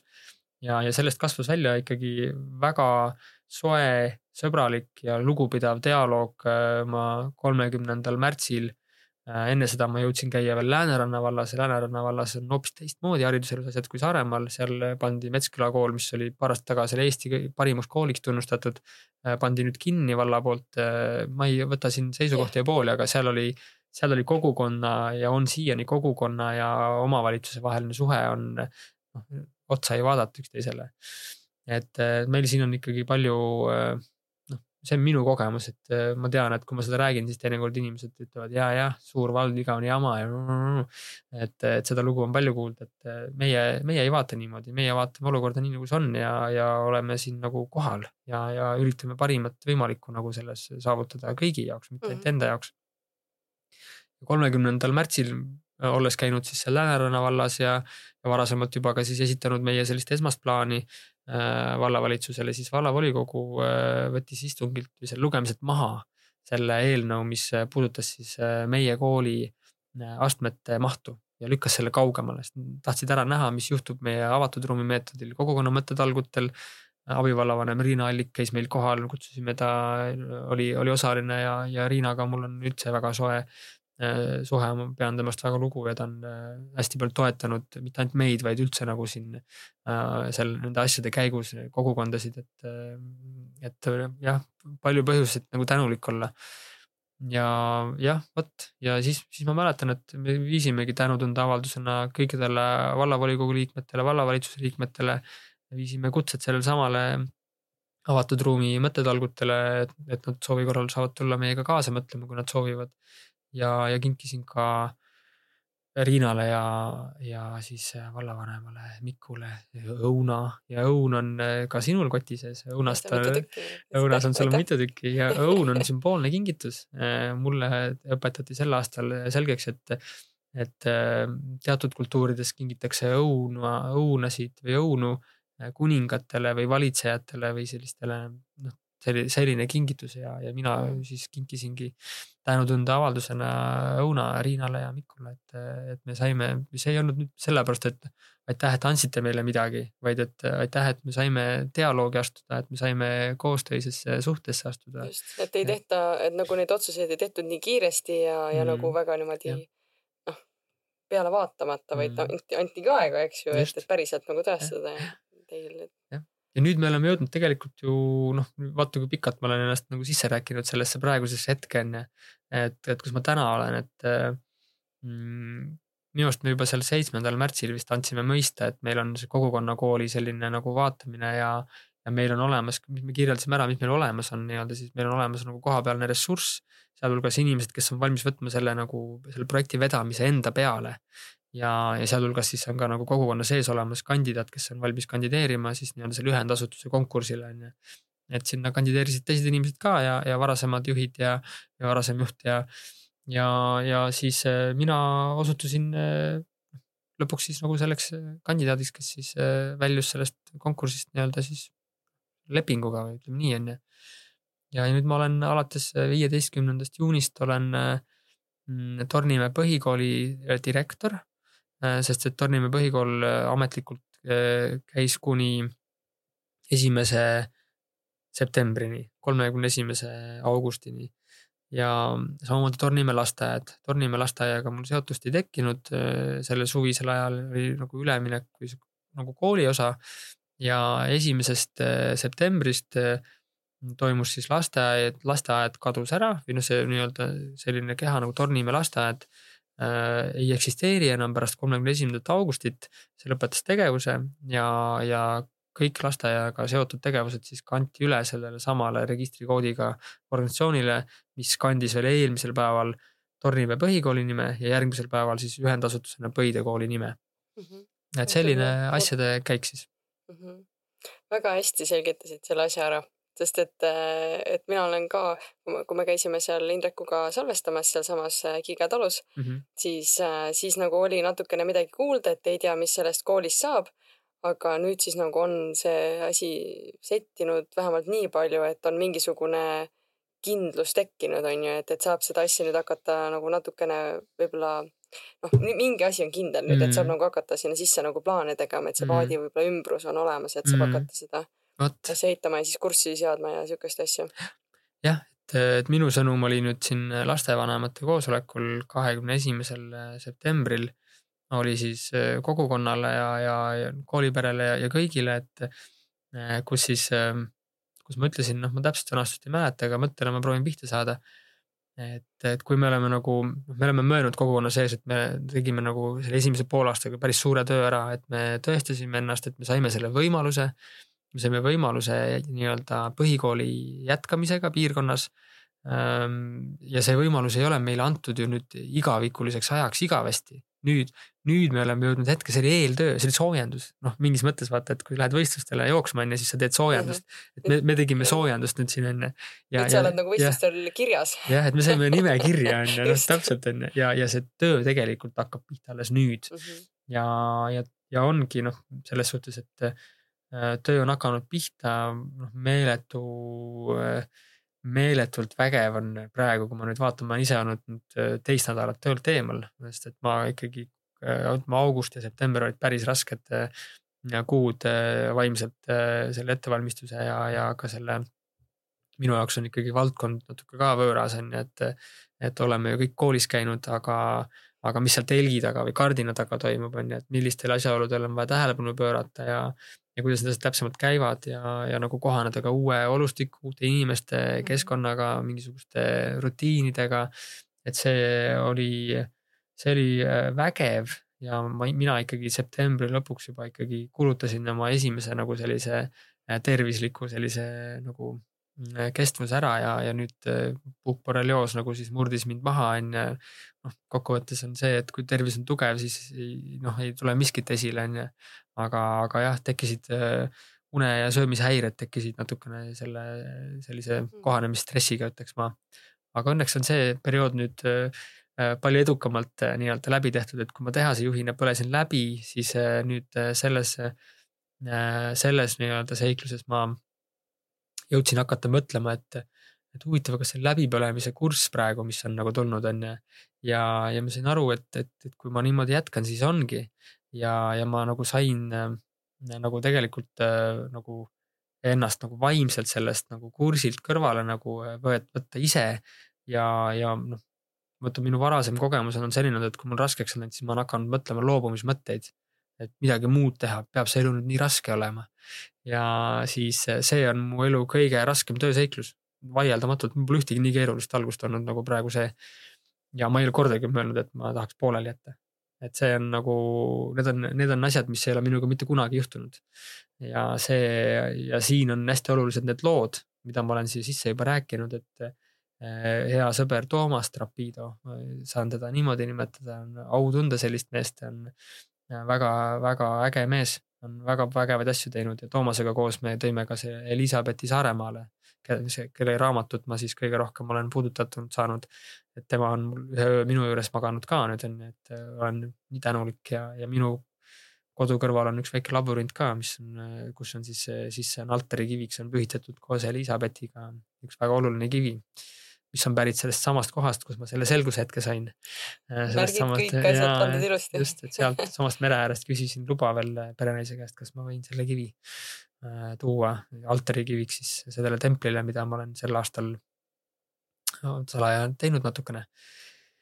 aga, aga tulles jah selle seikluse juurde tagasi, siis äh, ma kaldusin korraks kõrvale äh,. et kõige raskem algus on olnud, aga ja. praegu nagu natukene just murtud, aga ei ole nagu seda tunnet olnud. täpselt, täpselt jah, väga hea, et sa selle tõid uuesti üles, et, et see, et kõige raskem algus on olnud ja, ja hämmastav on see, et ma ei ole kordagi mõelnud, et, et this is not for me. Et ja need lood ja Toomas, mis ma mainisin, et Toomas on kirjutanud raamatu Lood, mis loovad. ja mina usun ka sellesse, et need lood loovad, et, et kui nagu, kui unistamisest ka juba rääkida, siis unistamised on, unistamine on väga oluline osa ükskõik millest et midagi juhtuda saab. paljud inimesed mõtlevad, et ah, mis jama sa mõtled, mine otsi omale päris töö on ju ja hakka raha teenima. et mis sa siin unistad, on ju. et ma ise vaatan seda natuke teistpidi, et selleks, et kui ma alustasin ka sellest väiksest nelja või kuueaastasest poisist, kes unistas endale millestki on ju, mis jõudiski kätte, siis see on minu jaoks nagu tõestus iseendale, et ma olen unistanud endale midagi, ma olen pingutanud selle nimel ja see on jõudnud päriselt siis nagu mateeriasse või minu nagu ellu kätte ja, ja nüüd ka need, need lood lihtsalt aitavad äh, teistel inimestel näha seda unistust, mida ma unistan, sest ma ei unista enda unistust. see kooli unistus pole minu unistus, see on kogukonna unistus. just, just ja see ongi see, et, et iga inimene on loodud midagi nagu siin elus looma, mis sa oled ainult, inimesed on ainult tööriistad nagu mm. selle kõige suurema nagu eesmärgi jaoks mm.. et äh, need on väga head mõtted, mul hakkas ka täiega erinevad nagu nii-öelda paralleelid jooksma siin, et, et see lugude asi. mm., mul jäi ka ükskord sihuke mõte silma, et, et kui sa muudad oma lugu, siis sa muudad oma elu. et me mm. kõik räägime endale mingit lugu ja me kõik elame seda lugu nagu, et mm., et kui mõni ütleb, et oh, et mis sa unistad, mine otsi päris töö, siis ma küsiks, et okei okay,, et, et noh, et näed, sina oled ju kirjutanud endale sellise nii-öelda päris tööloo onju. Et, äh, et noh, me kõik ju, me kõik loome ikkagi mingit lugu ma panen kirja korra, kui sa lubad selle, äh, mis sa ütlesid, mul on vaja see korra kirja yeah, panna. et kui sa muudad oma lugu, siis sa muudad oma elu. Inglise keeles oli see if you change your story, you change your life.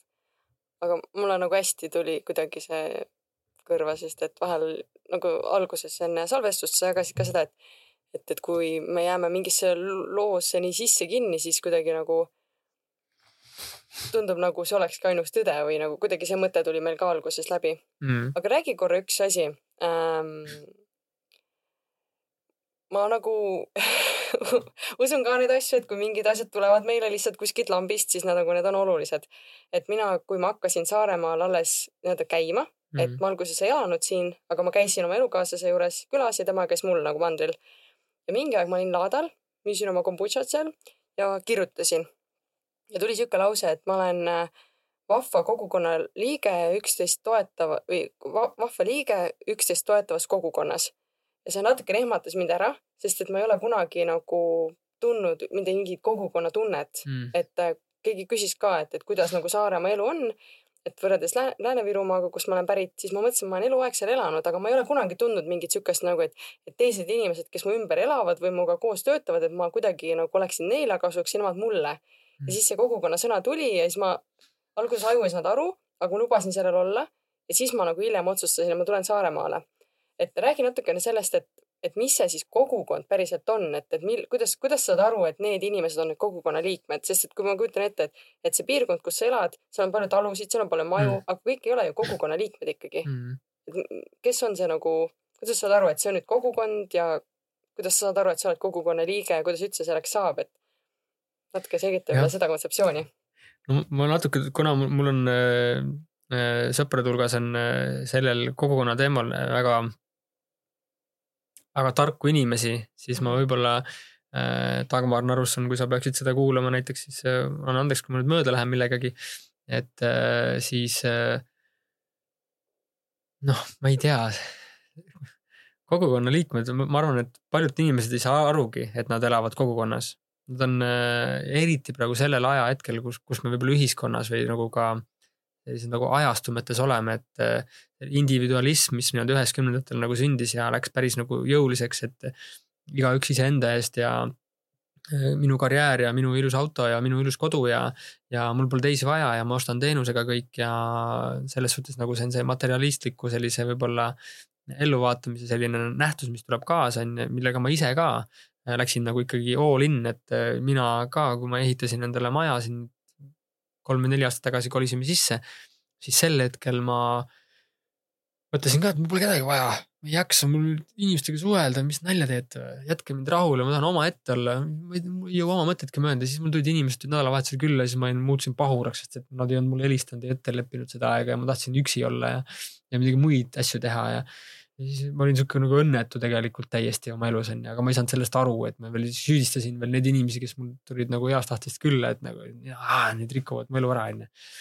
ja vaata kui huvitav. No, on onju ja, ja siis ma nagu, no siis mul juhtus ikkagi tegelikult samaaegselt seesama läbipõlemise periood ja, ja ma pidin hakkama ennast uuesti elus vaatama ja ma, ma olin nii õnnetu oma elus, ma pole noh, täitsa nagu, ma ei läinud nagu paela järgi selles suhtes onju, aga ma filosoofiliselt nagu arutasin iseendaga, et miks inimene elab, kui tal on kõik olemas, millest ta on unistanud ja ta on õnnetu. noh, pidasin ennast silmas, onju. Mhm. ja, ja, ja olingi siis oma selles õnnetuses ja rääkisin oma kallile abikaasale, et tead, Kristi, kui sina tahad õnnelikuks saada, siis äh, mul on lihtsalt praegu sihuke tunne, et sa peaksid kellegi teise endale otsima. vaata, ma olen nii õnnetu inimese hing, nii närtsinud ja ma näen ainult häda ja viletsust igal pool ja ma mõjusin juba lastele ka halvasti sellise nagu närvilise õnnetuse hunnikuna seal kodus ja, ja kaks korda olin jõudnud talle öelda seda, ta noh, ikkagi ei tahtnud seda kuulda võtta väga. ja siis mul äh, juhtus äh, selline olukord, et ma pidin, pidin ise midagi ette võtma ja ma võtsin ette ja ma asusin sügavale nagu iseenda otsimise rännakule. ja ma läksin enda järgi, igast jama oli seal ees, nagu aastatega tulnud siia äh, vahele, mida mul oli vaja nagu ära võtta vahelt, et ma saaksin nagu endaga kontakti luua ja see väike poiss nimega Jaak, kes oli kaduma läinud kunagi ammu-ammu juba nagu lapseeas, oli diivani taga peidus äh,. hästi õnnetu, ei julgenudki välja tulla, nägu näidata, sest et see, mida tema tahtis, oli ammu-ammu juba kõrvale pandud ja polnud kusagilt nagu kuulda ka, et, et siis nagu see tegelane, kes opere-, opereerib igapäevaelu, et see võtaks kuulda seda. et unistas aga oma unistusi ja läks siis sellele materiaalsele tehasejuhi karjäärile järgi, onju. ja ja noh, kuna, kui ma selle kätte olin saanud, siis juhtuski nagu paradoks minuga. mul oli äh, see nii-öelda keskkooliaegne kallim, mul olid lapsed, mul oli äh, selline haridus, mul oli töökarjäär teostatud, äh, mul oli uus maja, elasime unistuste kodus tead, kolm last ja tead, lapsed panevad legosid põrandal kokku, naine teeb pühapäeva hommikul päikesesaatel pannkooke ja vau onju. ja mina istun köögislaua ääres ja siis lihtsalt nutan, sest elu on nii õnnetu täiesti ja see ajas mind endast nii välja äh,. mitte nagu emotsionaalselt, vaid kuidagi nagu ratsionaalselt ajas endast nii välja, et äh, mis mõttes mul on kõik, millest ma unistasin, aga ma olin unustanud ühe asja ära. ma olin lakanud unistamast. see unistamine lõppes ära siis, kui said valmis need unistused lapsepõlves. ehk et lapsepõlve unistused olid täidetud ja sa nagu edasiseisvalt ei pannud nagu. no just, mul ei olnud uusi unistusi mm. Ja minu elus polnud unistusi, minu elus ei olnud rõõmu ja õnne ja, ja ma siis ikkagi mm, noh, ikkagi nagu sattusin nagu selles suhtes nagu, nagu teelahkmele. elu või mitte elu. sest et see, mida ma kogesin, oli mitte elu. Äh, ma olin mitteeluline. Mingis, mingisuguses muus mustris ja mingis vales nagu asjas, kus jah ja nüüd see noh, ütleme nüüd niimoodi sealt nagu mõned aastad hiljem ma olin nagu enda leidmisega nagu vaeva näinud ja, ja vaev on halb sõna, ma ütleks, et olin nagu äh, toimetanud, olin samme teinud jah, et äh, väga põnev teekond on olnud nüüd viimasel kolmel aastal. mul on väga palju uusi sõpru saanud, äh, mul on väga palju häid sõpru alles jäänud, mul on mm, ma olen elanud rohkem selle kolme aastaga kui eelmise, ma ei tea, kahekümnega, ma arvan, sihuke tunne on ja väga äge on jah. kogukonna, kogukonna juurde ma tahan just, ka jõuda varsti. tahtsin küsida, et kas sa siis nüüd oled need inimesed nii-öelda enda sees ja nagu energeetiliselt vastu võtnud, kes sulle külla tulevad või tulid, et kui siis nagu lükkasid eemale, et oled sa nüüd nad tõstab vastu, et nad tulevad ikkagi sulle. vahel, vahel on ikkagi veel nagu äh, keeruline, noh eriti praegu, kus ma olen selle kooliseiklusega üsna all in läinud, et siis ma tegelikult äh, vajan sellist taastumisaega nagu suhtlemisest ja ja omaette olemist nii-öelda on nagu noh, hing igatseb lihtsalt nagu olla omaette et aga, aga, aga ma võtan ikka kõik inimesed nüüd rõõmsa naeratusega vastu ja, ja ma võtan selle päeva sellise päeva nagu ta on ja need mm., need äh, sõnumid ja need hetked, mis sünnivad meile päeva sisse, need on mõeldud äh, meile sellesse päeva, praegu meie ellu. ja ma vaatan seda pigem nüüd niimoodi, et aga inimesed, inimesed on nagu noh, teadlikud ka, et, et mingitel aegadel Jaak pigem nagu eelistab olla omaette on ju. just, kui sa nagu saad endast aru, siis sa tead, kuidas teistele ennast kuidas teistele näida ja teised mm. näevadki sind, et mitte nagu mingit, ma ei tea, mis maskide mängu siin teha, no just. aga kogukonda, jah. jah, kogukond, vaata väga hea, et kogukond on äh,, minu jaoks läks lahti nüüd põhimõtteliselt ikkagi sel samal jaanuaril, et ma hakkasin tundma nüüd siin talvel äh, sellist väga tugevat sidet ja sellist kuuluvustunnet selle kohaga, kus ma elan, noh kui ma rääkisin sellest surnuaia kõrvalt mööda kõndimisest ja et nagu see, ma tunnen nagu füüsiliselt seda nagu kuuluvust selle kohaga, ma pole varem tundnud seda kunagi lapseeas, ma nagu careless nagu, mis, kus ma elan, on ju, et lähen kuhu lähen, on ju. Aga nüüd ma tunnen seda nagu sidet oma eelkäijatega ja, ja selle kohaga ja, ja nende inimestega, kes elavad meil kogukonnas ja, ja ma saan väga hästi aru, et kõik inimesed ei vaata seda samamoodi nagu mina.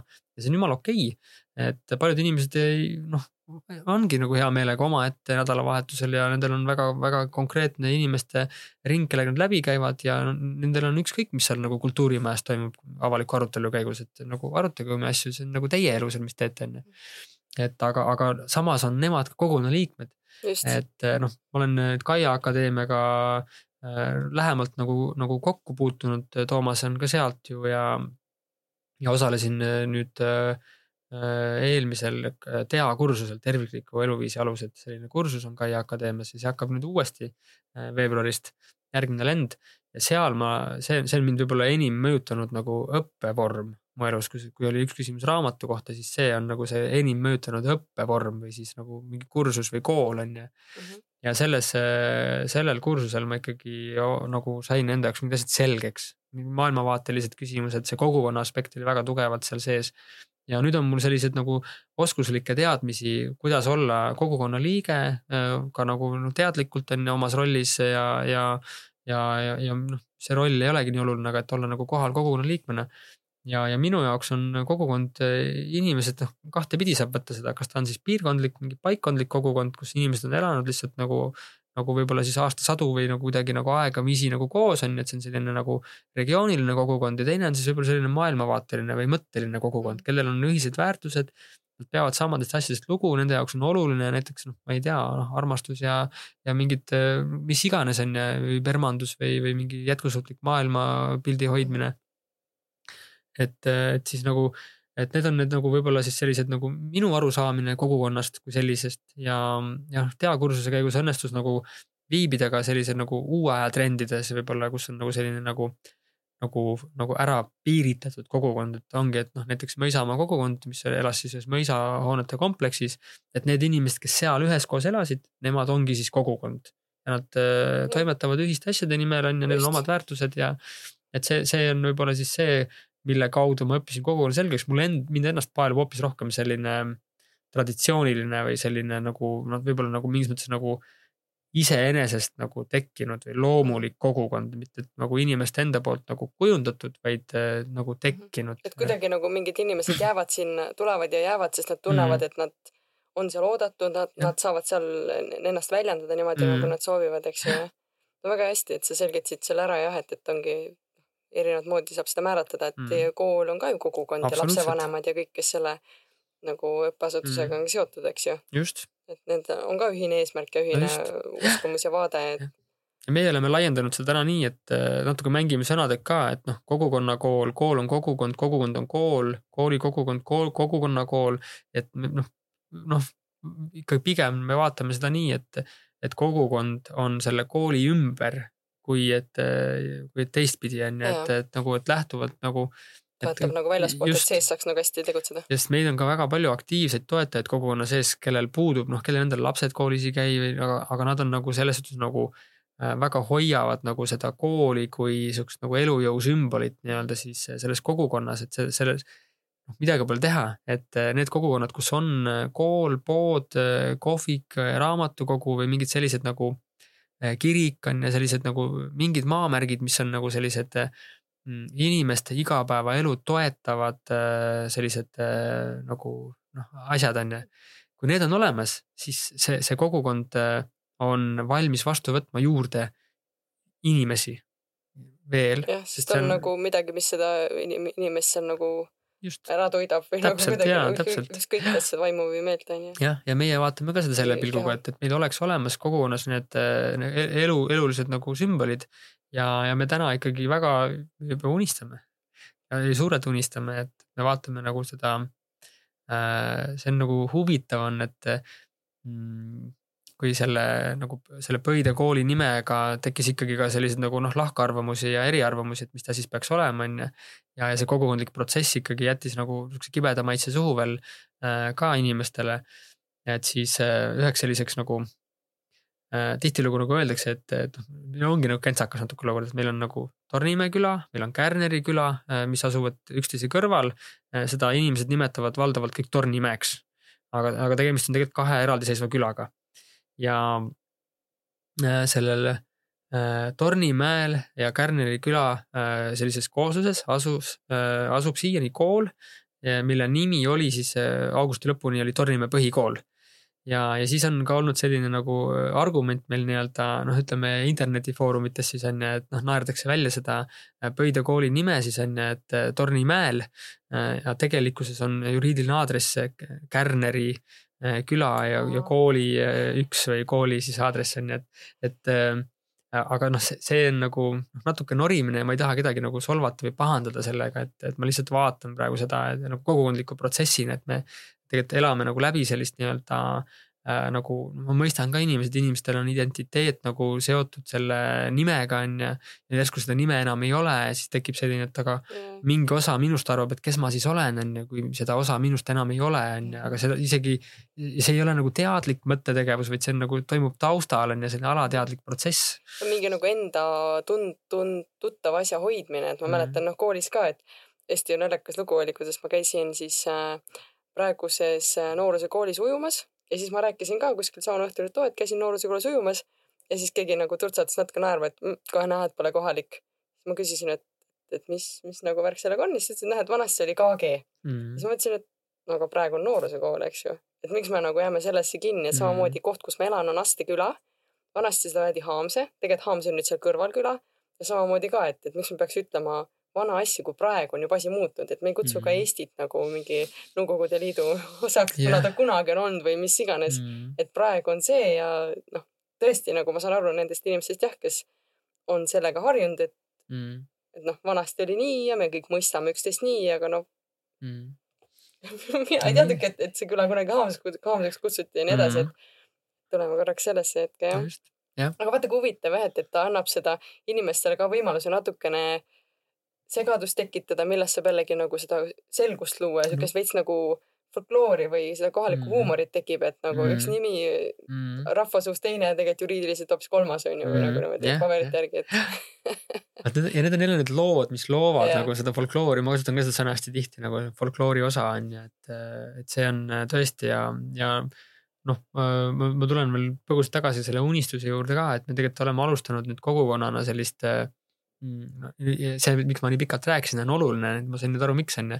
et me oleme alustanud ja, ja mina ei ütle nagu neid nimesid ette, mis nagu peaksid nimetatud saama, vaid et ma ei oska teistmoodi lihtsalt nagu, nagu seda rääkida praegu. et me oleme alustanud sellise tervikliku Pöide kogukonna keskuse sellist nagu nagu määratlemist või, või siis nagu seal ei ole midagi vaja nagu konkreetselt nagu hakata nullist looma, et meil on olemas kirik ja, ja pood ja kohvik ja raamatukogu ja rahvamaja ja, ja siis kooli ja lasteaiahooned. ja, ja ei taha midagi olulist kõrvale jätta, ehk said nagu praegu sellised peamised nagu ette loetud, no lisaks on meil seal autoremondi töökoda ja siis meil on tead nagu sellised nagu äh, kogukonna jaoks olulisi selliseid nagu noh, funktsioone või, või neid äh, väärtusi ja on jah, asju. teenuseid on palju olemas on äh, veel see Salunoot on sealsamas kõrval on ju, aga nagu tööandjana Kinglirupp on lähedal on ju, aga noh, kui me keskusest või sellist nagu äh, paikkonnast räägime siis või sellest paigast, siis see on, see on just selle Kärneri ja Tornimäe külade vaheline ala. kus asuvad ühel pool teed on siis Tornimäe küla, ma muidugi nüüd loodetavasti ei ütle valesti midagi, et et see on täpselt nii, aga, aga minu teada need rahvamaja ja, ja siis kohvik ja kõik kirik, mis jäävad nagu siis ühele pool teed, et need vast on Tornimäe külas ja aga, aga kool ja lasteaed, mis on teisel pool teed äh, vahetult on ju noh, kaks korda kiviga visata, siis on Kärneri küla. mm, et piir on nagu seal. ma arvan, et see tee on piir, ma usun millegipärast, ma ei ole vaadanud kaardi pealt.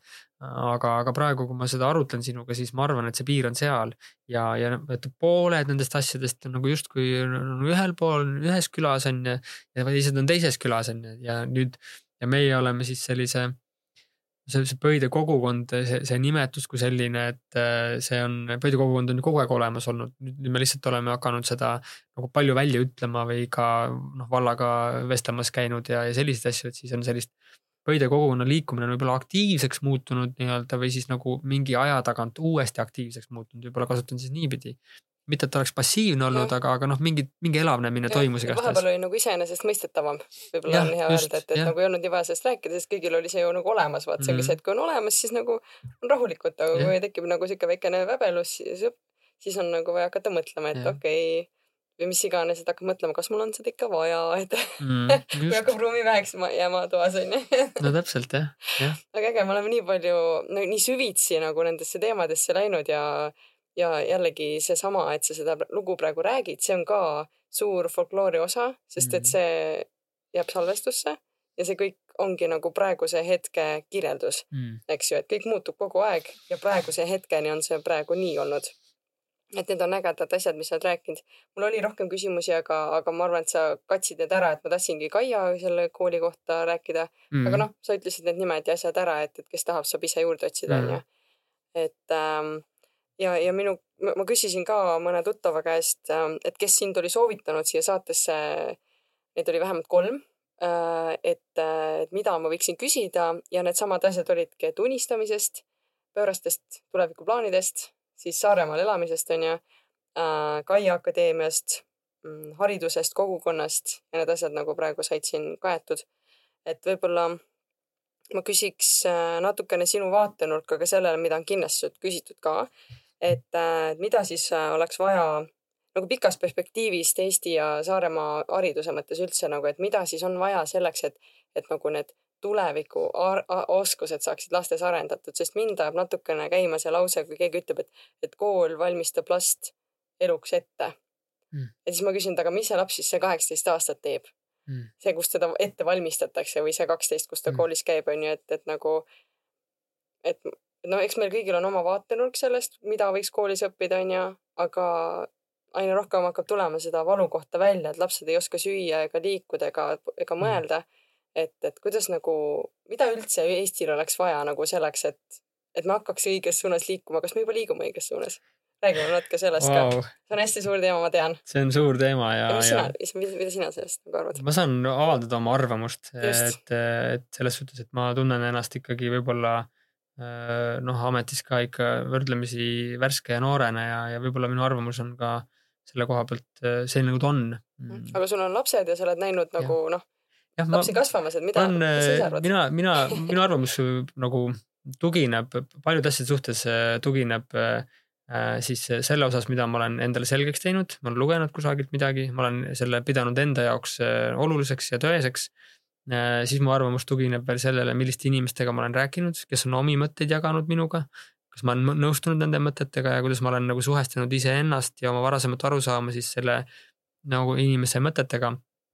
ja ma lugesin ja töötasin läbi kandideerimisprotsessi sisse sellise dokumendi, mul oli väga hea nõuandja äh, Merike Rehepapp, ole see tervitatud. Äh, äh, et kes andis mulle kandideerimisprotsessi käigus ka nõu nii-öelda siis, et kuidas läheneda sellele ja ta soovitas mul läbi töötada Eesti haridusvaldkonna arengukava või arengustrateegia, mingi selline kaks tuhat kakskümmend üks, kakskümmend kaks kuni kaks tuhat kolmkümmend viis, kuus või noh, mingi sihuke äh, pikem vaade oli. ja, ja seal oli tegelikult juba päris palju nagu noh, riiklikul tasandil neid asju, mis sa just puudutasid nagu ära kaetud, et ähm, et täna, äh, kui ma noh, mõned aastad tagasi alustasin hariduse otsinguid ka, siis ma vaatasin alternatiivide poole, ma vaatasin äh, Kaia, Valdorf ja, ja kutsusime veel, tegime, pidasime siin Friidaga koos äh, Illiku laiul sellise noh, alternatiivhariduse konverentsi lausa onju. ja, ja sinna mina me. isegi käisin seal, see oli see mai, maikuus vist. maikuus jah, just on ju, jah, täpselt, et mhm. sinna me ju kutsusime, me ju kutsusime sinna ju ka ja see oli minu jaoks sihuke õpiprotsess, ma nagu Äh, tegin endale selgeks, mis on olemas, millist kujul on olemas ja, ja mulle meeldis väga, mida tegi Lelet Aavik-Part, kes tuli ja rääkis, tema oli tavalisest koolist. ja ta ütles väga hästi, et, et kõike seda saab teha tavalises koolis. Äh, et see on nagu võimalik. Äh, küsimus on lihtsalt selles, et kuidas on selle tavalise kooli organisatsiooni kultuur, need on väga traditsioonilised organisatsioonid, seal sellise ka, ka ütleme niimoodi, et see arengustrateegia, see dokument mingi kahekümneks või viieteistkümneks aastaks on ju, siis selleks ajahetkeks, kui see on poole peale jõudnud, on ju, siis noh, enamus neid äh, koole pole jõudnud nagu poole peale ka, et realiseerida neid muutusi selles suhtes, et. et inimesed on, võib-olla praegu on see aeg, kus õpetajad vahetuvad nagu äh, korraga ja järsult, sest et selline mingis mõttes põlvkonnavahetus on kätte jõudnud, on ju. et see on võib-olla ka Eesti hariduses selline murranguline aeg, see toob kaasa just ka sellise nagu puudujäägi on ju, et meil on vähe õpetajaid ja sellest räägitakse palju, on ju, samal ajal tegeletakse siis nii-öelda uute õpetajate väljakoolitamisega ja, ja olles ise käinud äh, värskelt Tallinna Ülikoolis, siis ma ütleks, et see pedagoogiline haridus seal äh, Tallinna Ülikoolis oli niimoodi, et äh, inimene, kes on nagu, nagu just vaadanud alternatiivhariduse poole, siis mul oli see algus seal nagu niimoodi, et vau, vägev on ju, et noh, nagu ei relate selles suhtes on ju. et ja, ja noh, aga kui me võrdleme sellist tavalist koolipilti, kus on õpetajad noh, väga erineva sellise nagu, nagu noh, ütleme siis baaskoolitustasemega on ju ja, ja, ja ma ei ütle kellegi kohta midagi halvasti. et igaüks on täpselt selline, nagu ta on, on ju, ja annab endast parima ja, ja ma austan väga iga inimese panust. et küll aga on nagu äh, noh, see tänapäevane nagu ka õpetajate ettevalmistusprotsess on teistsugune, kui ta oli kümme aastat, viis aastat, kakskümmend aastat, viisteist aastat, noh selliste aegade tagant ja, ja äh, siis äh, mm, sinu küsimus oli, ma nüüd väga pikalt lähenen su küsimusele ma nagu ei ole väga mures, ma näen juba neid, äh, neid märke tegelikult nagu ka koolihariduses, et äh, toimuvadki sellised nagu ka eluliste oskuste õpetamine. Äh, ma ei tea, triikimine või, või noh, saad aru, toa koristamine, mida tegelikult enne vanasti kogukond nagu hoolitses ise selle eest on ju, et, et vanaema õpetas selgeks, kuidas koristamine käib, on ju. vot sellepärast ei olnudki vaja koolis õpetada, vaata praegu ongi täpselt sama, vot nüüd ma panin pildi kokku. vanasti tegelikult said need oskused kuskilt mujalt küla kasvatamiseks on terve, lapse, lapse kasvatamiseks on tervet küla vaja. just, et, et õpe, et küla õpetas sind suhtlema, nagu mingisugused viisakusreeglid on ju, aga tänapäeval on kuidagi nii hõivatud enda selle nii-öelda, enda looga, eks ju mm., nagu kus nad peavad ennast nii-öelda teostama ja noh, tänapäeval noh, ikkagi nagu tuleme tagasi, meil on vaja ellu jääda, on ju mm., aga ikkagi jah, et, et võib-olla see küla on nagu ära kadunud, et igaüks on kuidagi oma nurka kolinud ja, ja ei ole seda küla, mis õpetab neid mm ja see on meeletu surve alla pannud tegelikult ka need, need koolid, sest et yeah. selles individuaalses vaates ongi nagu peredel on ootus, et noh, paljuski ongi see, et, et noh, laps läheb kooli, et kasvatage nüüd inimene mu lapsest mm. -hmm. et äh, aga noh, see on, see on niisugune nagu kahe otsaga lugu, vaata, et nagu see on, see on kodu ja kooli, kogukonna ja kooli äh, koostöö, et meie ikkagi Põide kogukonnaga nagu väga vaatame sedapidi, et see on see ei ole nagu nüüd niimoodi, et, et noh, päris nagu üheselt võetav on ju, et, et kogukond õpib samal ajal ise ja, ja kui ma mõtlen ka nagu sellise lapse ja või õpilase õpetaja vaates, et siis kuidas see õpilane õpib, et õpib eeskuju pealt on ju. see keskkond ja. peab olema avatud õppimisele, ka see õpetaja peab olema nii-öelda häälestatud ise õppimisele et kui õpetaja on ise õppivas sellises nagu režiimis või sellises olekus, siis laps võtab selle nagu, ega ta ei mõtle selle peale ju, ta hakkab kopeerima ja matkima selles suhtes seda tegevust ja ja, ja jah, aga sa korda korra see küsimus ka, et ma vist ei ole päris ära vastanud sulle. no küsimus oligi, et mida nagu on vaja selleks, et, et kõik need muutused saaksid nagu teoks. võib-olla see. aa, mida või keda. aa, no siis siin esimene mõte, esimene mõte ikkagi, kui ma lugesin seda küsimust äh, ka nüüd sissejuhatuselt või noh, ettevalmistavalt, siis oli, oli julgust on vaja. Julgust on ikkagi vaja, et, et noh, teha neid muutusi, viia neid läbi ja tarkust ja tasakaalukust on vaja, neid suuri muutusi ei saa viia läbi kiiresti või sellise, saab küll, aga siis see peab olema väga hoolikalt ette valmistatud mm, -hmm. väga pikk protsess sellele muutusele ette on tehtud mm. -hmm. ja kui me hakkame nii mõtlema, kas me saame siis selle kiirelt läbi viia selle muutuse. et ei saa nagu niimoodi, et proovin ühe korra, ei töötanud yeah. ja annan alla, onju. see on ka Hästi võimalus. Nagu see on, see on, niimoodi saab ka järjepidevalt, lapsed õpivad kõndima ka niimoodi, nad kukuvad kogu aeg, onju. aga, aga ma mõtlen seda, et selle kukkumisega kaasneb alati valu ja, ja valu on tegelikult ka väga hea õppimise protsessis ka. no et... kaks otsa, vaata, kui sa saad haiget, siis on see variant ka, et sa enam ei proovi, sest et sa said haiget, onju. Mhm. et seal on see mõtestamise küsimus no võib-olla vahel ka, onju, et, et see on, see, see on nagu hea valu, sest et nagu sa läksid millegi poole, mis on oluline, et see valu kas see eesmärk on piisavalt suur, et sa nagu selle mm. nii-öelda äberdumise nagu ära kannatad, onju? see, see on häda minu arust rohkem täiskasvanud inimestel ja. on selle valuga mõtlevad üle, jah, et, et sealhulgas mina ise, et, et, et lastel on, on tegelikult lihtsam natukene, et nad on kuidagi, tõusevad nagu kergemini püsti onju. või mm. võtavad uuesti siis, et täiskasvanud tihtilugu julgeb proovida uusi asju. aga sellega ma olen ise avastanud seda, et, et kui kui see üks hetk meeldima hakkab, uute asjade proovimine, siis mm, tast võib täitsa kasvada harjumus välja. aga julgust ja, ja sellist tasakaalukust ja arukust ja, ja omavaheline koostöö ka siin, et, et teha nagu mingit muutust nagu, eriti kui me räägime üldharidusvõrgust on ju, siis et see, see on nagu selline siin ei saa nagu üksi olla selles suhtes, et siin on nagu naaberkogukonnad, siin on naaberkoolid, siin on äh, teised äh, piirkonnakoolid ja, ja kuidas see, see omavaheline nagu suhestumine on ja, ja kokkuvõttes on nad ju kõik meie lapsed Sa. Saaremaa lapsed on ju kõik on ju, nad on ju meie inimesed siin ja nemad, neist kasvavad ju äh, tulevased Saaremaa hoidjad. et noh, kõige tõenäolisem ongi see, et siin selles paigas, on ta siis nüüd Põide või Kihelkonna, siis nendes paikades kasvavad inimesed nagu tõenäosus on, et kellelgi neist juhtub nii nagu mul. et ta tahab tagasi minna koju, ta tahab seal midagi teha äh, ja, või siis on üldse, et ta ei lähegi siit ära. mina ei ütle, mis on õige, paljud inimesed veedavad terve oma elu ühes kohas ja see on ka üliäge. aga, aga kui me vaatame nagu sellist tendentsi kui sellist, siis maapiirkonnad pigem nagu noored tahavad käia ära korraks. korraks käid ära jah. ja, ja võib-olla jäävadki ära, võib-olla mitte, aga mingi hetk hakkab tulema tagasi, no Mati Nuud on ka no, sadu laule kirjutanud sellest, kuidas ta tahaks kodus olla, onju no noh, võib-olla nüüd liialdan onju, aga, aga selles suhtes, et nagu kui kuulata nagu nende lugude sõnumit, mida on nagu vanemad inimesed nii-öelda äh, esitamas või, või nagu on repertuaaris, siis noh, tema tuli esimesena mul praegu, et ikkagi tahaks nagu kodus olla või, või tahaks tagasi sinna lapsepõlve mängude maale onju.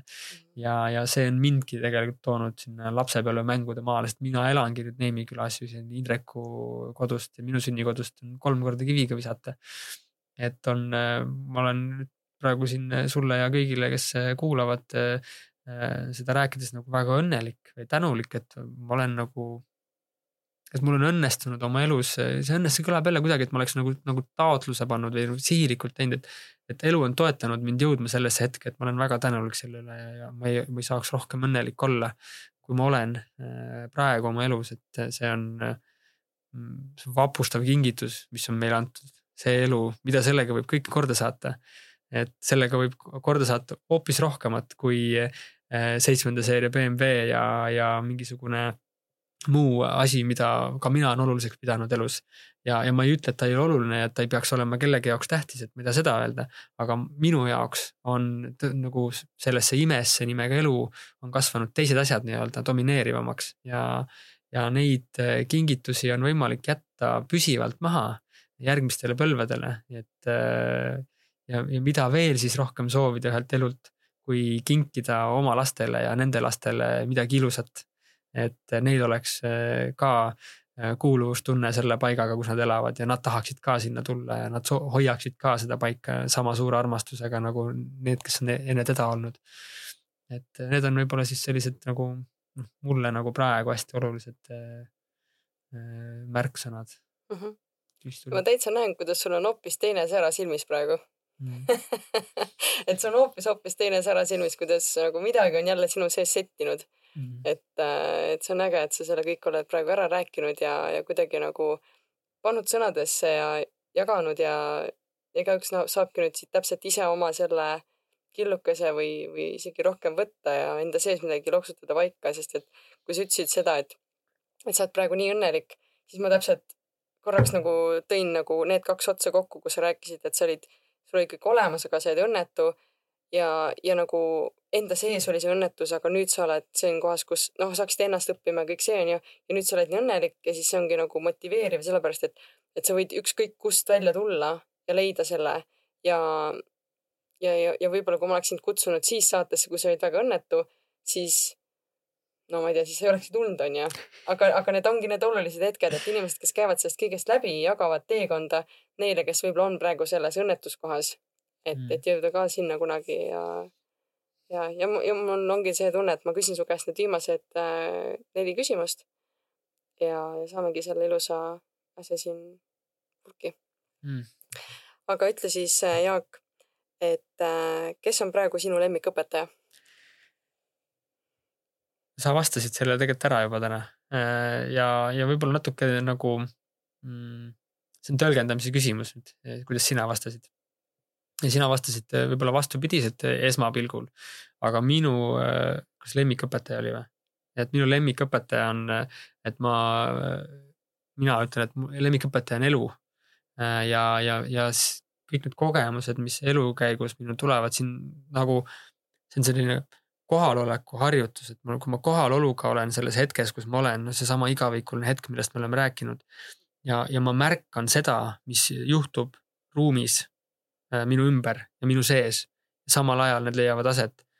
ja siis tulebki inimene tänava pealt ja küsib mu käest mingi küsimuse ja siis on see, et äh, kuidas ma võtan seda küsimust, kas ma võtan seda küsimust kui, või seda nagu, nagu vestlust või dialoogi võtan sellise mm, nagu random asjana, et mis ei tähenda mitte midagi, et inimene tahtis kella küsida, on ju, ja, ja ma ei pannud muud tähele. aga tegelikult oli seal peidetud sõnumeid veel, on ju, see, kuidas ta minuga rääkis ja mis ta veel ütles lisaks sellele kella ütlemisele.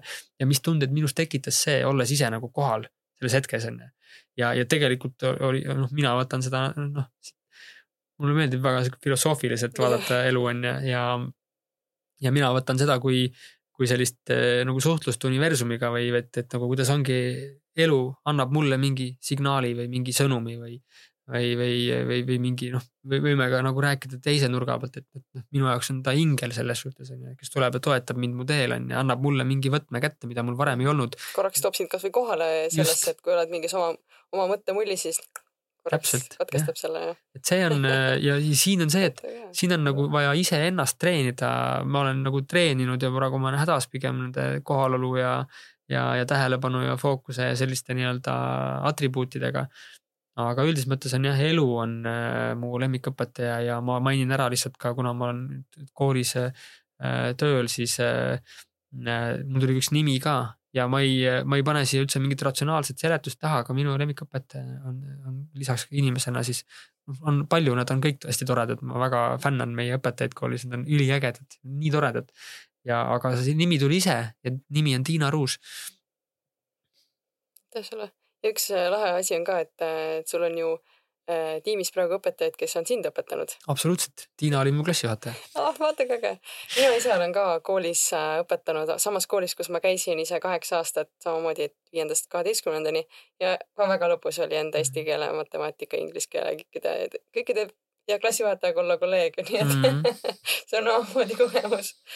nii, teine küsimus, et ähm, mida on parem Saaremaalt osta kui mandrilt? no vot, selle peale ilmselt inimesed saavad aru, et ma olen neid küsimusi ette lugenud, on ju, et mul on juba nagu selline nagu mingisuguse eel, eel nagu info olen talletanud enda sisse. äh, kui ma seda küsimust äh, nii-öelda lugesin, ma loodan, et ma ei anna midagi ära nüüd, kui ma niimoodi räägin. ei, see on okei okay., need ongi ette jah. jah, et siis äh, jälle esimene äh, sõna, mis tuli, oli kõike kõike on parem osta Saaremaalt ja, ja siin on nagu, kuidas seda võtta nüüd, loomulikult esimene mõte on see, mis mõttes Saaremaalt ei saa kõiki asju osta, sest et no sul on vaja seda seda seda seda on ju ja et, et siis nagu eluga hakkama saada. ma mõtlen niimoodi, nojah, aga kas neid kõiki asju on vaja ilmtingimata on ju, mida siis mujalt saab osta ja, ja loomulikult ma ise ostan ka asju mujalt on ju ja kasutan ju ka seadmeid, mis pole Saaremaal valmistatud ja nii edasi on ju.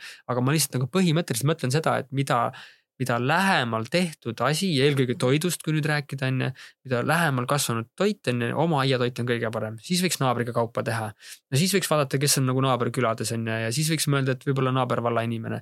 ja, ja, ja seal Kaia mm, teakursuses me olid ka täitsa nagu teadlased on ju, kes meile seda asja nagu selgitasid ja ütlesid, et, et nagu esimene on see nagu oma aiatoit on ju, siis on see mahe oma aiatoit on ju, või noh, mahemärk on noh, mahe on ju oma aiatoit. siis on see naabritoit ja siis tuleb mingisugune nagu järgmine aste, siis on see mahe, mahe, mahe ja mitte mahe on lähem ütleme oma aias kasvanud mitte mahe on kasulikum kui noh, Poolast toodud mahe nagu selles suhtes pirnid on ju, Mhm. et. see on see mulla ja kõige selle teema, et. noh, enam-vähem vist jah, aga, aga toit ka kui selline ikkagi, et noh, osad inimesed juba räägivad sellest päris põhjalikult, et, et näiteks tomat, mis kasvab oma kasvuhoones, keda ma käin ise kastmas on ju. see, see paljajalu peal muru peal kõndimine, loodus on nii intelligentne, et ta saab aru, kes seal käib Mhm. Loodus loeb ära. Nagu muidugi ta saab ju aru, mis mu kehas toimub ja, ja kõik selline, mina lihtsalt arvan, et loodus on nii primitiivne, Ja, et ja. midagi ta aru ei saa. ja tegelikult on loodus väga tark, kui ma juba mõtlen praegu nagu imetamise peale, siis ma mõtlen ka, et mis toimub nagu lihtsalt, aga mina ei tea ju, mina ei tee ju mitte midagi mm., aga loodus on nii tark et täpselt kõik nagu on paigas. et jah, loodus on vapustav ja mida lähemalt hakata, mida rohkem aega võtta looduse imetlemisele, seda imelisemaks see loodus muutub. Mm -hmm. ja pigem on, ma näen häda selles, et äh, inimesed ei võta aega, et äh, noh, väärtustada või märgata loodust kui sellist ja ta on möödapääsmatu. kui loodust, kui neid puid ja pööseid ja metsasid veel ümberringi ei ole, siis me elame sellises utoopilises äh, sõjakatastroofi filmis, kus ongi põhimõtteliselt ainult sudu ja pime kogu aega ja on suhteliselt kehvad elamistingimused, et noh, see see on ja, ja, aga me ei usu seda millegipärast. ja me ei märka enne, kui asju enam ei ole, onju. Mm. Aga siin äh, mul tuli meelde korra see, et äh, sinust on äh, seal Saarte Hääles üks lahe artikkel, kust ma lugesin, et üks sinu hobisid on mitte millegi tegemine ilma süümepiinadeta. see oli nii hea. no selle kohta ma olen ka lausa isegi luuletuse kirjutanud. et mis on, mis on, mis on tegelikult siin kaasas ka see luuletus, et ähm, mitte millegi tegemine, see oli tegelikult väga suur võti ka sellele, et kui ma ennast leidma hakkasin sest mul oli tõsiselt oli probleeme äh, selle kõige juures, mida ma tegin oma elus, liikudes siis selle nii-öelda noh, seitsmenda seeria BMW poole, mul pole kunagi olnud sellist autot, aga noh, piltlikult öeldes on ju, et, et sümbolina on ju, et siis äh, mul ei, mul oli kogu aeg nii kiire, ma olin nii hõivatud oma mõtetes ja tegemistes ja sellepärast mulle ka ei sobinud, kui inimesed külla tulid. ja ma ei osanud pühapäeva hommikul ka niisama istuda, ikkagi jalg käis kogu aeg ja, ja ma pidin, et ma pean midagi tegema ja muidu mu päev on raisku läinud ja kui ma täna asjalik ei ole, siis ma olen mõttetu könts on ju, sest ma ei saavuta mitte midagi. et noh, selline Nii nagu. ja jah, et selline plaat oli kogu aeg peal ja ja siis, siis mina õppisin siis nagu mitte midagi tegema niimoodi, ma kirjutasin oma CV-sse ka jah, selle hobi alla. Ja hakkasin töövestlustel käima niimoodi, et mul on no vaadake, ma ei öelnud ju midagi, siis nad lugesid sealt, siis aa, et millegi tegemine ilma süümepiinadeta, okei okay.. ja mul oli vaja nagu niimoodi seda endale selgeks teha, et see on okei see on okay.. sinu identiteedi osa. jah, just, et just, just, et ja mul on, mul on vaja nagu vahel olla niisama, ilma et ma ennast Jaa. halvasti aga tunneksin see. on nagu ma arvan, igal inimesel väga oluline tegelikult ja see ilma süümepiinadeta on nagu Just. see kõige tähtsam, sest muidu kui oled, pärast muretsed, mis kõik tegemata jäi, sa nullid ära selle miinusesse veel. et on tõsi jah. see on äge asi jah, et, et võtan ka nagu kuidagi väiksed siukse mm. mm. nüansi juurde sellele Mm. et eriti veel väikse beebiga olles, et nagu kui temaga lihtsalt nagu chill ida ja mängida, siis mm. nagu Mm. see on hästi oluline. Mm. ja nüüd äh, kolmas küsimine, küsimus. ja need küsimused tulevad tavaliselt alati nagu lambist, aga ma tunnen, et on alati õiged. et äh, kolmas küsimus on, et kuhu põgeneda Saaremaal argimurede eest ehk siis piltlikult ennast laadima või pead selge- selgendama. siin on väga, minu jaoks väga lihtne, ma teen seda äh, liiga harva. või siis mul ei ole vaja teha seda liiga tihti, ma nüüd ei tea, kumba pidi on ju. aga mind toetab kõige rohkem ära Saaremaalt minemine. et äh, see on see, mis mind nii-öelda, meil on meeletu luksus see keskkond, kus me elame. inimesed ei saa aru ka, kui palju meil on siin tegelikult kingitusi ja see, et meil on võimalik minna üle mere praamiga Äh, ma ei ole sillavastane, aga, aga, aga praamiga see on märgiline. Äh, pigem ma pooldan täna praami just sellepärast, et siis mul on võimalus siit niimoodi ära minna, et ma mm -hmm. kaotan ära ühenduse mm. -hmm. mingi selle... nagu ühe tuleb just, välja, mingi just, klõps käib just, ära. just, et üle mere ei ole võimalik tõmmata seda nagu pistikupesa kaasa. üle silla tegelikult juba natuke saad nagu vedada, pikendada, onju. aga meri vahepeal, vesi isoleerib nii ilusti ära ja siis on väga hea käia kusagil mujal ja ma arvan, et see on sihuke, pole ainult meie puhul, et on teistes piirkondades ilmselt samamoodi, aga, aga jah, ära on vaja minna lihtsalt Saaremaalt ja siis on võimalik äh, vaadata seda elu, mida ma elan siin hmm,. Polegi nii halb, onju, täitsa lõpp, vau, onju päris hästi, kuule. tahaks juba tagasi minna. ja siis ongi, et äh, ja, minu jaoks on ikkagi see mul on muhulastega väga sõbralikud suhted, aga mul on ikkagi vaja Muhumaast läbi sõita ja see Väina tamm on minu jaoks sümbol, äh, kus ma tunnen seda. juba läheb rahulikumaks. kodus, ma jõuan kohe koju yes. et see on nagu äh, ja see on alati nii ja see on ähm, minu arust on see iga kord järjest magusam, on see, äh, see järjest raskem on ära minna ja järjest parem on tagasi tulla et see võib-olla iseloomustab praegu sellist minu nagu ärakäimist, et see on mm,. aga sellest hoolimata on vajalik ära käia. et, ähm, et võib-olla mingis uues dimensioonis või, või uues äh, valguses, uues väärtuses nagu näha seda oma elu ja seda olu, mis, mis on, ümbritseb mind siis nii-öelda selles kohas, kus ma elan. aitäh sulle, väga hea vastus ja nüüd siis on luuletuse aeg ehk et küsimus on, et mis on sinu jaoks Saare maagia? Väga hea mm,. ma, ma tunnistan, et olgugi, et sa oled minus aktiveerinud sellise energia ja sära, siis eh, noh, ütleme süda rinnus mulle ütleb, et, et see on selline äh, täna veel mitte püsima jääv, ajut-, noh püsivalt nähtus, et ma, ma natuke veel elan sellist äh, kannatuste rada tervislikult läbi ja, ja see ilmselt saab siit väikse drop down'i pärast seda, aga ma olen hästi õnnelik, et ma saan kogeda sellist nagu äh, seda high nagu äh, olemist, et mul on nagu hea olla ja mul mingis mõttes nagu see, selline loomeenergia on nagu aktiivne ja ta on sellises nagu tugevas olekus, et äh, ja siukses nagu kindlas nagu sellises voos. ja aga, aga kui, kui sa mulle kirjutasid ja küsisid, kas ma ikka olen tulemas täna äh, igaks juhuks onju, siis äh, ma just kirjutasin äh, sellist luuletust ja ma panin selle pealkirjaks siis, mis on saare maagia ja, ja kui ma seda kirjutama hakkasin, siis ma ei mõelnud, et siit kasvab mingi luuletus välja, vaid et ma lihtsalt mõtlesin, mis ta siis on, on ju, ja, ja võib-olla ta ei olegi nii luuletus, vaid ta on selline äh, mõttevahetus iseendaga äh, seoses sellega, mis on siis saare maagia. alustan siis nii, mis on saare maagia? kõik, mis on, on maagia. maagia on kõik, mis on. saare maagia, mis see on? Mis see on? saare maagia. saare maagia on kõik, mis meil siin on. kõik, mis meil siin on, on saare maagia. sina, mina, nemad, meie, maagia, saare maagia. see ürgselt ebamaine ja puhas keskkond, kaunilt harmooniline loodus puhas maagia. ebamaine saare maagia. kogukondlik kokkuhoid, hingeline lähedus. lähedus iseenda ja kõiksusega. kõikide ja vaikusega. vaikusega enda sees ja sellest väljas olevaga. kui hoolikalt kuulata, siis mis muud on kuulda kui vaikust, mis ületab ja ühendab kõik selle, mis on. saare maagia. saare maagia. mina, sina, nemad, meie, kõik koos. igaüks iseendaga ja kõik üheskoos. üksi ja eraldi. koos ja ühiselt lahutamatult eraldi. ühendamatult koos. maagia, saare maagia, saare maagia.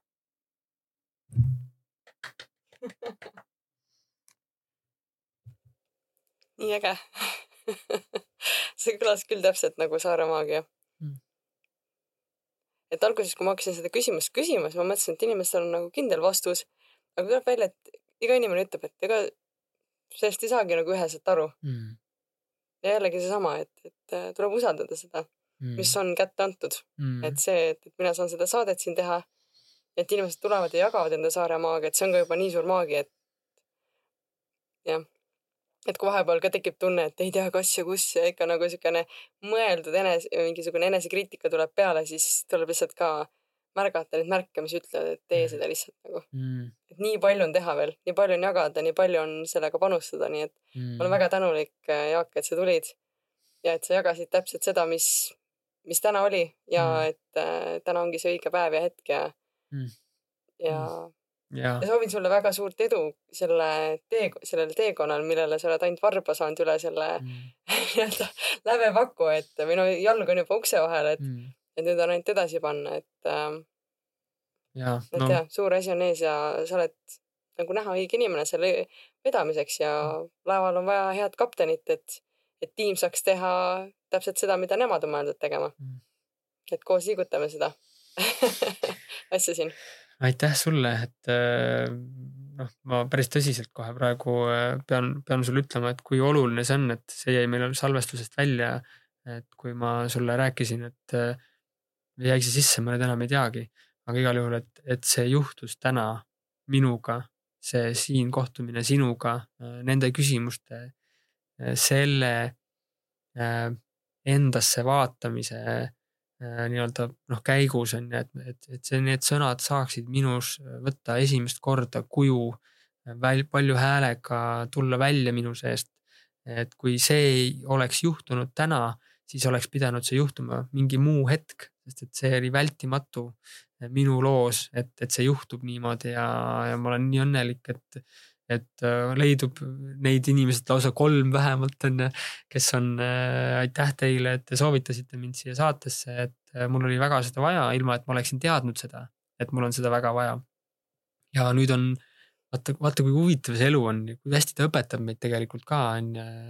ja, ja kas, kas ta on nüüd õpetlik kogemus või mitte, aga, aga ma saan lihtsalt olla tänulik ja alandlik selles tänus, et see on juhtunud ja, ja, ja tänulik sulle ka, sest kui hästi sa oled selle Äh, ruumi loonud siia, kui mõnus on siin olla, kui hästi sa oled selle sisse juhatanud, kui, kui, kui, kui nagu, kui kõik vägev, nagu selle kohta tahaks öelda, et saare maagia on ju, et mis sa oled korraldanud ja loonud siia, et, et see on hästi suur kingitus.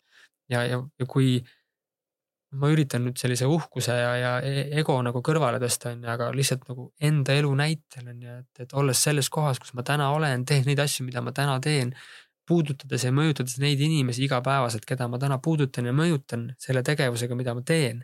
ja siis minu teele on tulnud selline ingel nagu sina, on ju, kes on äh, aidanud mul oma teel nii-öelda midagi kogeda, mida mul on vaja kogeda või midagi öelda, mida mul on vaja välja öelda. et siis, äh, kas sa puudutad ainult nüüd mind siis või? ei ole ju.